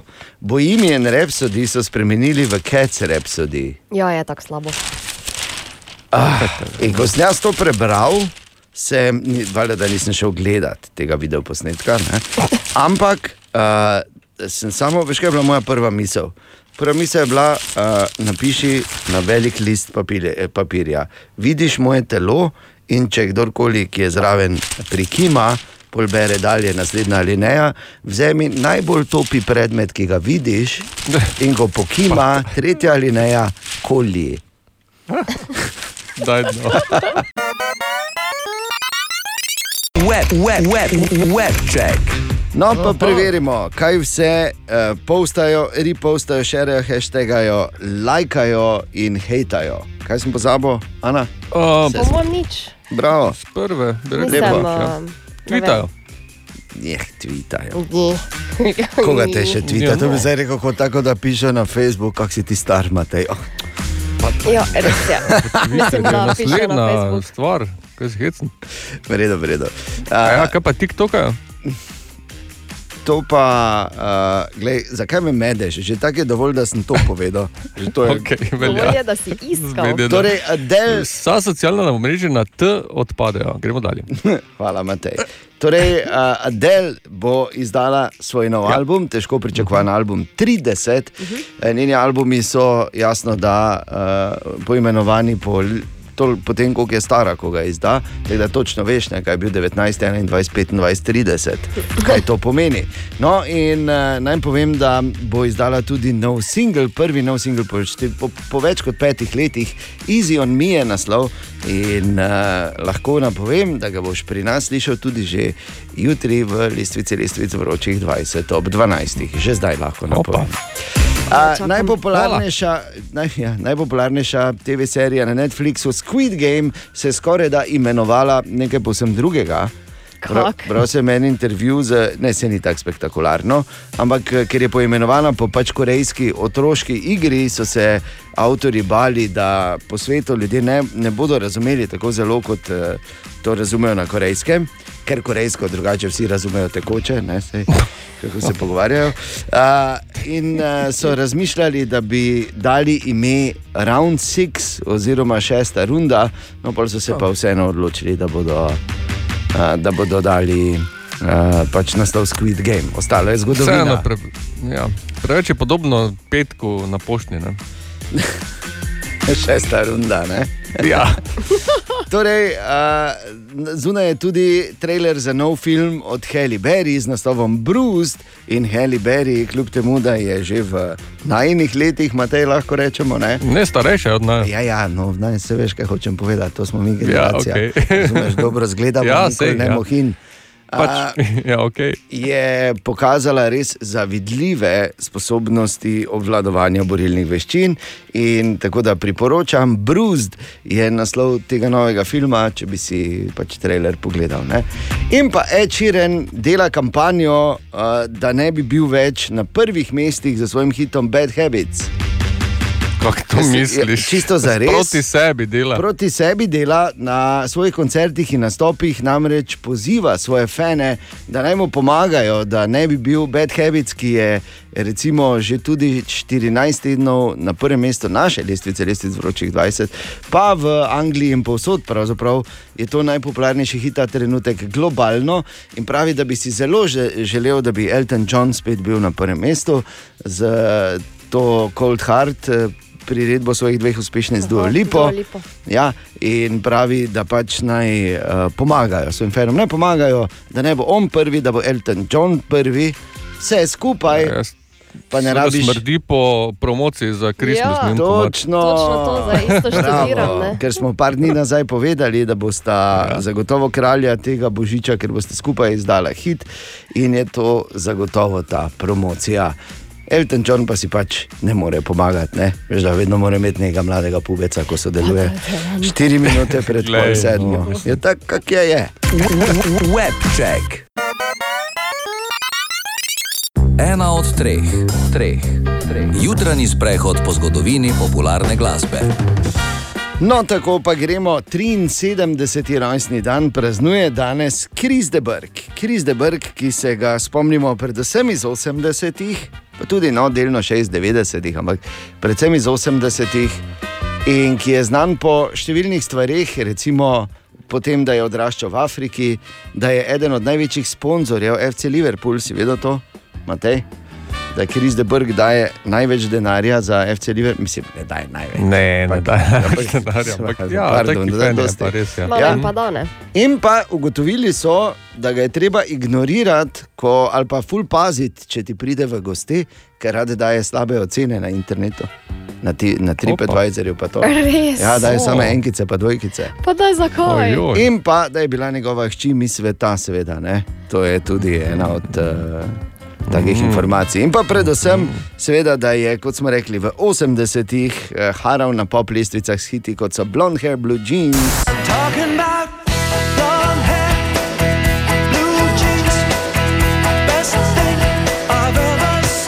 Don't pay the ferryman.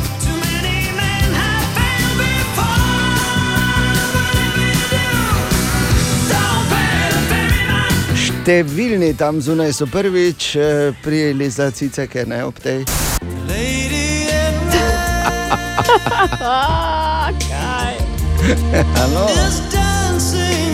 Oh, kaka lepa. In pa jasno, da.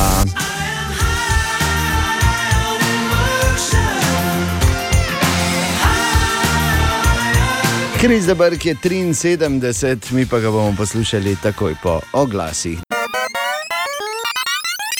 Skoraj nemogoče vprašanje. Oj, oj. Derbi tezno pobrežje imamo Oj, danes. oj. Uh, in uh, seveda tudi tokrat veljata uh, dva, uh, torej dve dejstvi, dva postulata znotraj te dva temelja te igre. Prva, prvi temelj, da je uh, nastala na podlagi ene raziskave v Evropski uniji in zajema tudi Slovenijo, in drugo, da je lahko vprašanje veliko bolj spektakularno od odgovora. Tako. In tretje, ne pisano, da Ana vedno zmaga. Pa ne vedno. Bomo veš, videli, kako bo danes. ne? Ja. Vsak svoje štange, palce, vse to nunčake sta prinesla, se Ja. običajno prinese na derbi tezno pobrežje. Tako bom rekla, vragi smo Ja, čudnega, zbrani. da je sodnik iz Dogošne. Edini pošteni. Samo res. Torej, jaz sem Ja, tu zelo- mesta si noben ne upa priti, ne? Ja, no, seveda ne. Tako je, moraš biti ne. Malo te more biti deda, ne, Ana, da greš. blizu, ne, Stražuna moraš biti. Ok, poslušajte. Peti ta, zdaj pri tej stvari ni srednje poti. Ali ti je všeč, ali ti ni. Namreč 85% vseh pravi, da to izjemno diši, 15%, Bencin. čakaj, 15% pa pravi, da absolutno smrdi. Tako da ni neke srednje poti in ne, ni benzina. No. Ni benzin. Ni benzin. Kaj bi lahko to? Ampak velika večina, velika Ja, ja. večina. Prej za WC. Torej, veš, tudi dosti pove o samem kandidatu. Ja, pa ne, pa daj nehaj. Um, No? Um, kaj bi to lahko bilo? Ejoj. Kava? Ne, to je Kava, ne, ni kava, ni kava. 85% mislimo, da je to, oh, ško to zavohaš, ne reš. Čebula. Česen. Ne. Ni. Paradajz mezga. Ne, pa daj nehaj. 85% kot to tako veš. Ka, oh, Pečeni kostani. Ne. Ne, kdo bi tukaj rekel, da Meso. Meso.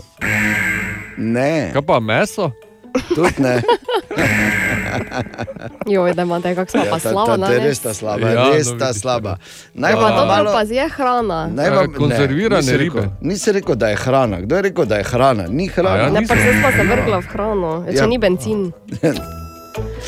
Tako, že to bi vam lahko dalo vedeti. Ja. Ni benzin, ni hrana, to je namik. Ampak vedno, ko to tako. Oh, sploh prvič. Kaj? Sploh prvič. Ne v življenju, ne v življenju, ampak A ja, prvič. okej. Ja. Ne veš, ko nekaj časa ne, zavohaš Ne tega, pa Aha, zavohaš. ja. Pa, Začetek Oj. kurilne sezone. Ali pa si ble. Sneg. Ne, ne, ne, ne, ne. Letni časi, zanimiva smer, Ana, tako bom rekel. Aha. Te pa pomlad. ne. R- eh, Cvetni prah. Eh, pa daj nehaj. Ne. Faktor- Morje. Morje. Ja, bravo, Ana, ja, pa Joj. ja, Tezno je zmagalo proti Ja, pobrežju. Knap je bilo, ja. Samo uh, dva sta še ostala, ostali so že ležali, tako dolgo je trajalo. e, na Oh. koncu tezno, čestitke. Ja, Ja, gled, si, štejem čas, da sem zdržal tako dolgo. No. res je. In uh, spet gre prehodni vsaka čast na tezno. Hvala. Čestitke, Ja, Ana. ja. To je bilo skoraj nemogoče vprašanje. Dobro jutro. Dobro jutro. Ja, Se že dobro jutro. Tako, 15. oktober, kaj se mi zavedamo, ja. z dneva v dan, iz dneva v dan smo bližje Martinovemu.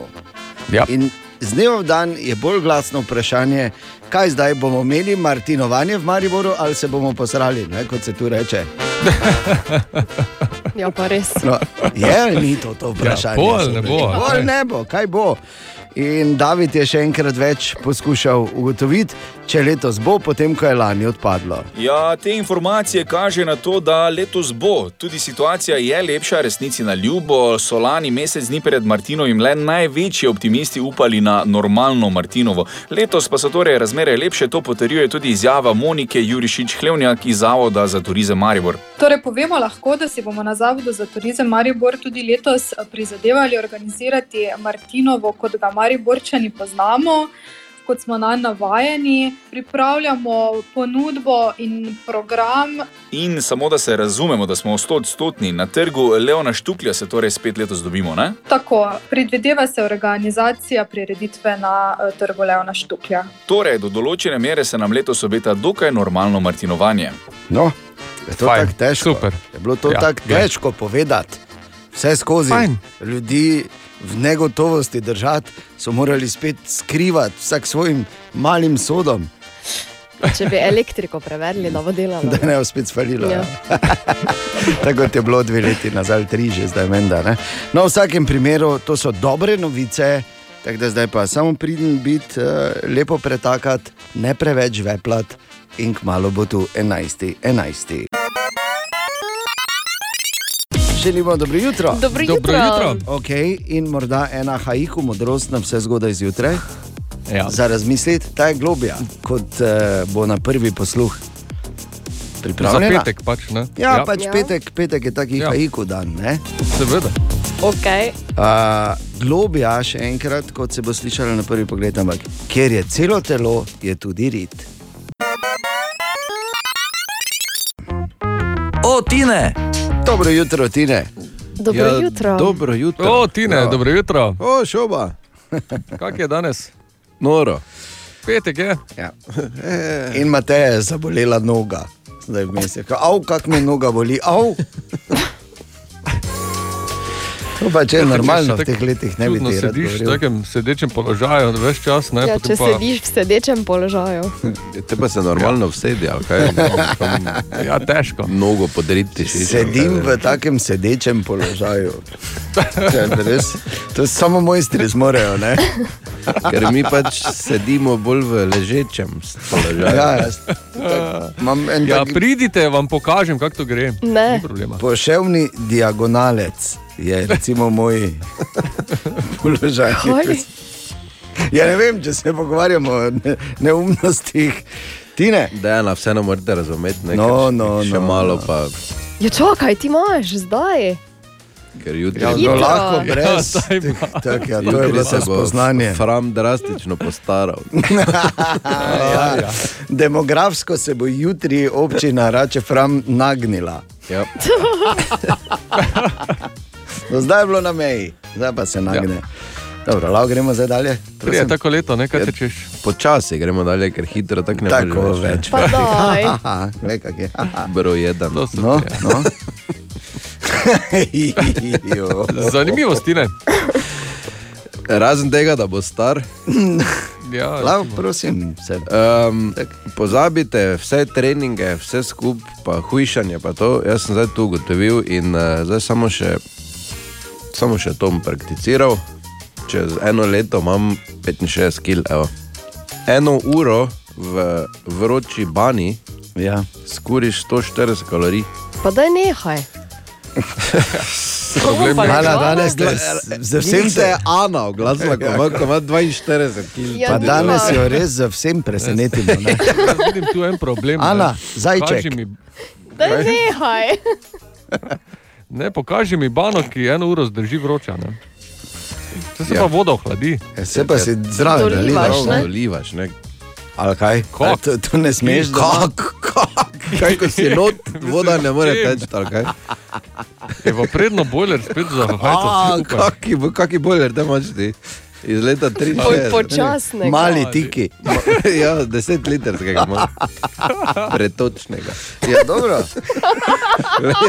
Vse, če bretočni ni problem. Ana. A dobro, no, Ja, pa eno uro. vsaka stvar pa res. No. Vsaka najmanjša stvar. Problem je, ker mogo 700 ur, jaz v banji vidim, če mu to vidim. Jaz tudi nimam denara, pa nuklearka bi mi mogla direktno elektriko dati. Današnjem aha-efektu vprašanju bomo videli eno simbiozo dveh stvari. Namreč na eni strani, ker je danes 30 let Olimpijskega komiteja Slovenije, torej imamo a, olimpijski aspekt in imamo Tineto aspekt, da mora v petek biti pikantno vprašanje. Ti ne želiš, dobiš. To je Vesna. tako, Vesna je pisala, Ana pove, kaj je napisala. Ali je res, da so na olimpijskih igrah v starih časih tekmovali goli in če bi to danes spet uvedli, kateri šport bi vam bil najbolj zanimiv? Haha. Ja, po mojem, ja. med, med kopja. Ne? Kaj? Zimske, zimska olimpijada? Ne, stari, stari Zimska, Grči ja, niso imeli Ne bi zim. sankanje zbral. Luž. Vsekakor ne bob, ne. Ja. Ali pa, ne veš kaj. Au, veš kaj? Curling. Curling tu je. Ja. Se tako počepne, dol. Lepo, da Oj, daj, Ve, doj, To je samo okej, malo. okej. To je malo nad pikadom, samo veš, tako da verjetno ne bi. Pikado bi tudi bilo Mladinska reprezentacija. Joj, zakaj smo to odprli? To Ok, vesna, odgovor dobiš v high-efektu takoj potem. Aha, aha, aha, aha, aha, aha, aha, efekt. V aha-efektu danes Tina odgovarja na vprašanje Vesne, ki jo zanima, ali je res, da so na olimpijskih igrah v starih časih tekmovali goli in če bi to danes spet uvedli, kateri šport bi bil najbolj zanimiv? Torej, koliko se spomnim, so res bili nagi. Ja. Mogoče so s kako rjuho bili pokriti, ne? ampak to je takrat pač ni bilo nič. eh, ne. Telo se je Niso cenilo. Ja, niso se sramovali. Ne? Ne, ne. telesa. Radi so takega, imeli ne. telo, Radi so imeli. Če bi pa letos, recimo, mislim, letos, eh, zdaj, eh, v današnjem času, bi jaz, recimo, tek z ovirami.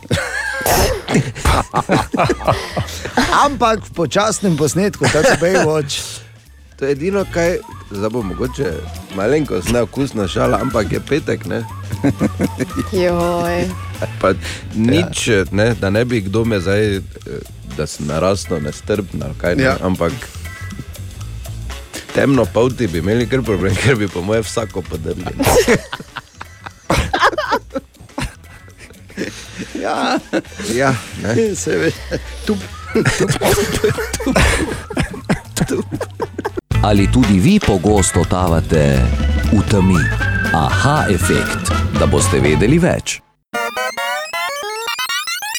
Danes je 30. rojstni dan Olimpijskega komiteja Slovenije in zato gostimo podpredsednika Tomaža Barado še eh, danes tukaj. In eh, Tomaž nam povedala, sva, da moramo se dotakniti ene izjemno vroče teme, ki se je očitno začela pojavljati, kot sem dejal. Tudi jaz, po mojem osebnem, nepomembnem mnenju v tej zgodbi, relativno zgodaj. Ne? Kaj ti vemo, volitve za novega predsednika Olimpijskega komiteja bodo decembra 2022. Pa tvoje ime se je začelo nam veliko pojavljati. Že dajmo zdaj enkrat za vse rešiti, kaj se tu dogaja. Ja, torej dejstvo je, da tudi jaz sem zelo žalosten, da so se te volitve, eh, tako imenovane volitve, že začele zdaj, ko imamo pred sabo še vrsto pomembnih dogodkov. Torej, eh, najprej eh, spremembo pravil na Olimpijskem komiteju Slovenije, kasneje nas čakajo olimpijske igre v Pekingu. To so zagotovo dogodki, ki so v tem trenutku najpomembnejši, ne pa da se ukvarjamo z temo, kdo bo novi predsednik, kajti imamo aktualnega predsednika, na katerega smo zelo ponosni, ima dober program program še vedno ni izpolnjen, še vedno se dogaja. Tako da je to bilo vse skupaj preuranjeno. Ampak glede na vprašanja, ki sem jih dobival iz strani eh, eh, predsednikov nacionalnih zvez, eh, tudi športnikov, se mi zdelo fair, da dejansko pojasnim, da sem se odločil za predsednika Olimpijskega komiteja, za kandidaturo za predsednika. In, uh, ja, to je vse, kar lahko glede tega povem, da bom dejansko na samem programu začel delati kasneje, ker imam za to še več kot dovolj časa, ampak uh, dejstva so, da, da se je to zgodilo. Je pa žalostno po drugi strani eh, vse, vsa očitanja oziroma ovadbe, ki so bile podane v tem času, celotna ta medijska pozornost, katera jaz mislim, da je posledica ravno to, da nekako sprejemamo odločitev, ali se bomo odločili za predsednika Olimpijskega komiteja ali ne. Ja, pa, ampak zanimivo je, da tudi eh, ve, eh, so. Sveda, kot v vsaki pač politični kampanji, so se tudi tu začele, zdaj, če si že omenil ravno take informacije in razno razni uh, članki in zgodbe, ki pa nimajo neke, ne temelijo v realnosti. Ne? Ne, torej, nekako sem sedaj v tem času se poučil, ne, da dejansko zelo pomembno je, kakšen je naslov, če si, če si bralci želijo nekaj brati in, oziroma poslušati. In, uh, lahko rečem, da naslov, naslovi so bili temu primerni, da so ljudje kupili časopis oziroma poslušali radio, gledali televizijo. Uh, dejstva pa so vsekakor drugačna. Torej, uh, Tomaž Barada je imel uh, pregled uh, izvora premoženja uh, na prvi stopnji, je nekako bilo eh, prikazano, da uh, sem državi bil eh, dolžan uh, plačati davek, uh, ampak na drugi stopnji se je zadeva uh, prikazala v mojo korist, kajti eh, opravil se pregled tudi mojega delovanja, športne plati oziroma časa delovanja pred pregledom, torej pred letom 2010, pregled je bil med letom 2010 in 2016 in lahko rečem, da v tem času res nisem zaslužil toliko denarja, kot sem ga v danem času porabil. In uh, dejstvo so, da sem ta denar zaslužil prej, to tudi dokazal in uh, zdaj je za me zadeva zaključena. In je adakta, ne? ampak ja. jasno, take stvari se pač očitno dogajajo, brez tega ne gre. Ampak če se premaknemo v stran od tega, deva k dejstvom. Jaz, eh, če dovoliš, lahko izrazim eno veliko veselje, eh, da eh, si se odločil za ta korak, za to kandidaturo. eh, Da vesel, ker prihajaš iz našega mesta, ker eh, te poznam že dolga leta in vem, kako, eh, kako z srcem si pri športu. In predvsem ravno zaradi tega, ker prihajaš iz športa, ker je tebi na nek način šport vse dal, verjamem, da glede na značaj, ki ga imaš, boš ti zdaj, oziroma želiš se tudi svojim delovanjem to dokazuješ, športu to vračal. In eh, če že je super, da nadaljujemo v tej maniri, eh, da nimamo tako imenovanih kavč predsednikov. Ne? Ker eh, moraš biti športnik, da lahko skrbiš za športnika. Ja, Torej, jaz res lahko rečem, da sem se že v otroštvu začel ukvarjati z športom, torej najprej z športno gimnastiko in kasneje, torej pri šestih letih in kasneje z borilnimi veščinami.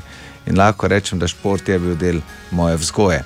Uh, ob tem sem se seveda naučil spoštljivosti, poštenosti, vztrajnosti, obvladovanja samega sebe, dobil sem duh nepopustljivosti in dejansko lahko rečem, da je to bilo moje vodilo tudi naprej v življenjski poti. Uh, dal sem skozi vse faze, lahko rečem, da poznam uh, celotno fazo športnika, kasneje tudi kot trenerja, predsednika zveze in potem tudi podpredsednika Olimpijskega komiteja. Tako da se mi zdi, da, da je zelo pomembno iti skozi te faze, da veš uh, v vsakem trenutku pomagati športnikom oziroma funkcionarjem ali trenerjem, uh, kaj je v dani situaciji potrebno za njih. In, uh, Pripričan sem, da to znanje imam in da ga lahko prenašam na druge. In to je zelo pomembno, takšno znanje. Eden, ki vodi Olimpijski komitej, ima.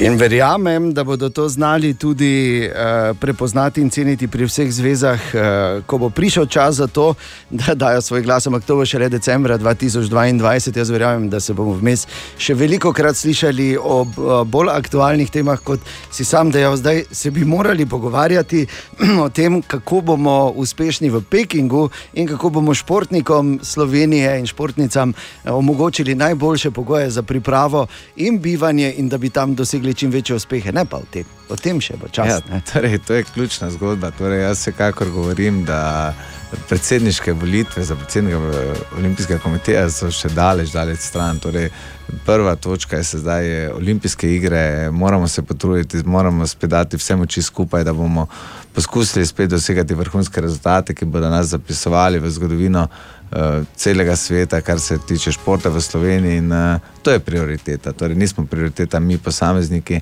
Posamezniki smo le del zgodbe, ki je vedno minljiv. In, uh, jaz sem pripričan, da je trenutek, ki ga danes imamo, olimpijske igre v Pekingu in uh, nadaljevanje športnih uspehov v Sloveniji. Tako je. Tomaž Barada, torej, hvala lepa za vsa pojasnila danes zjutraj.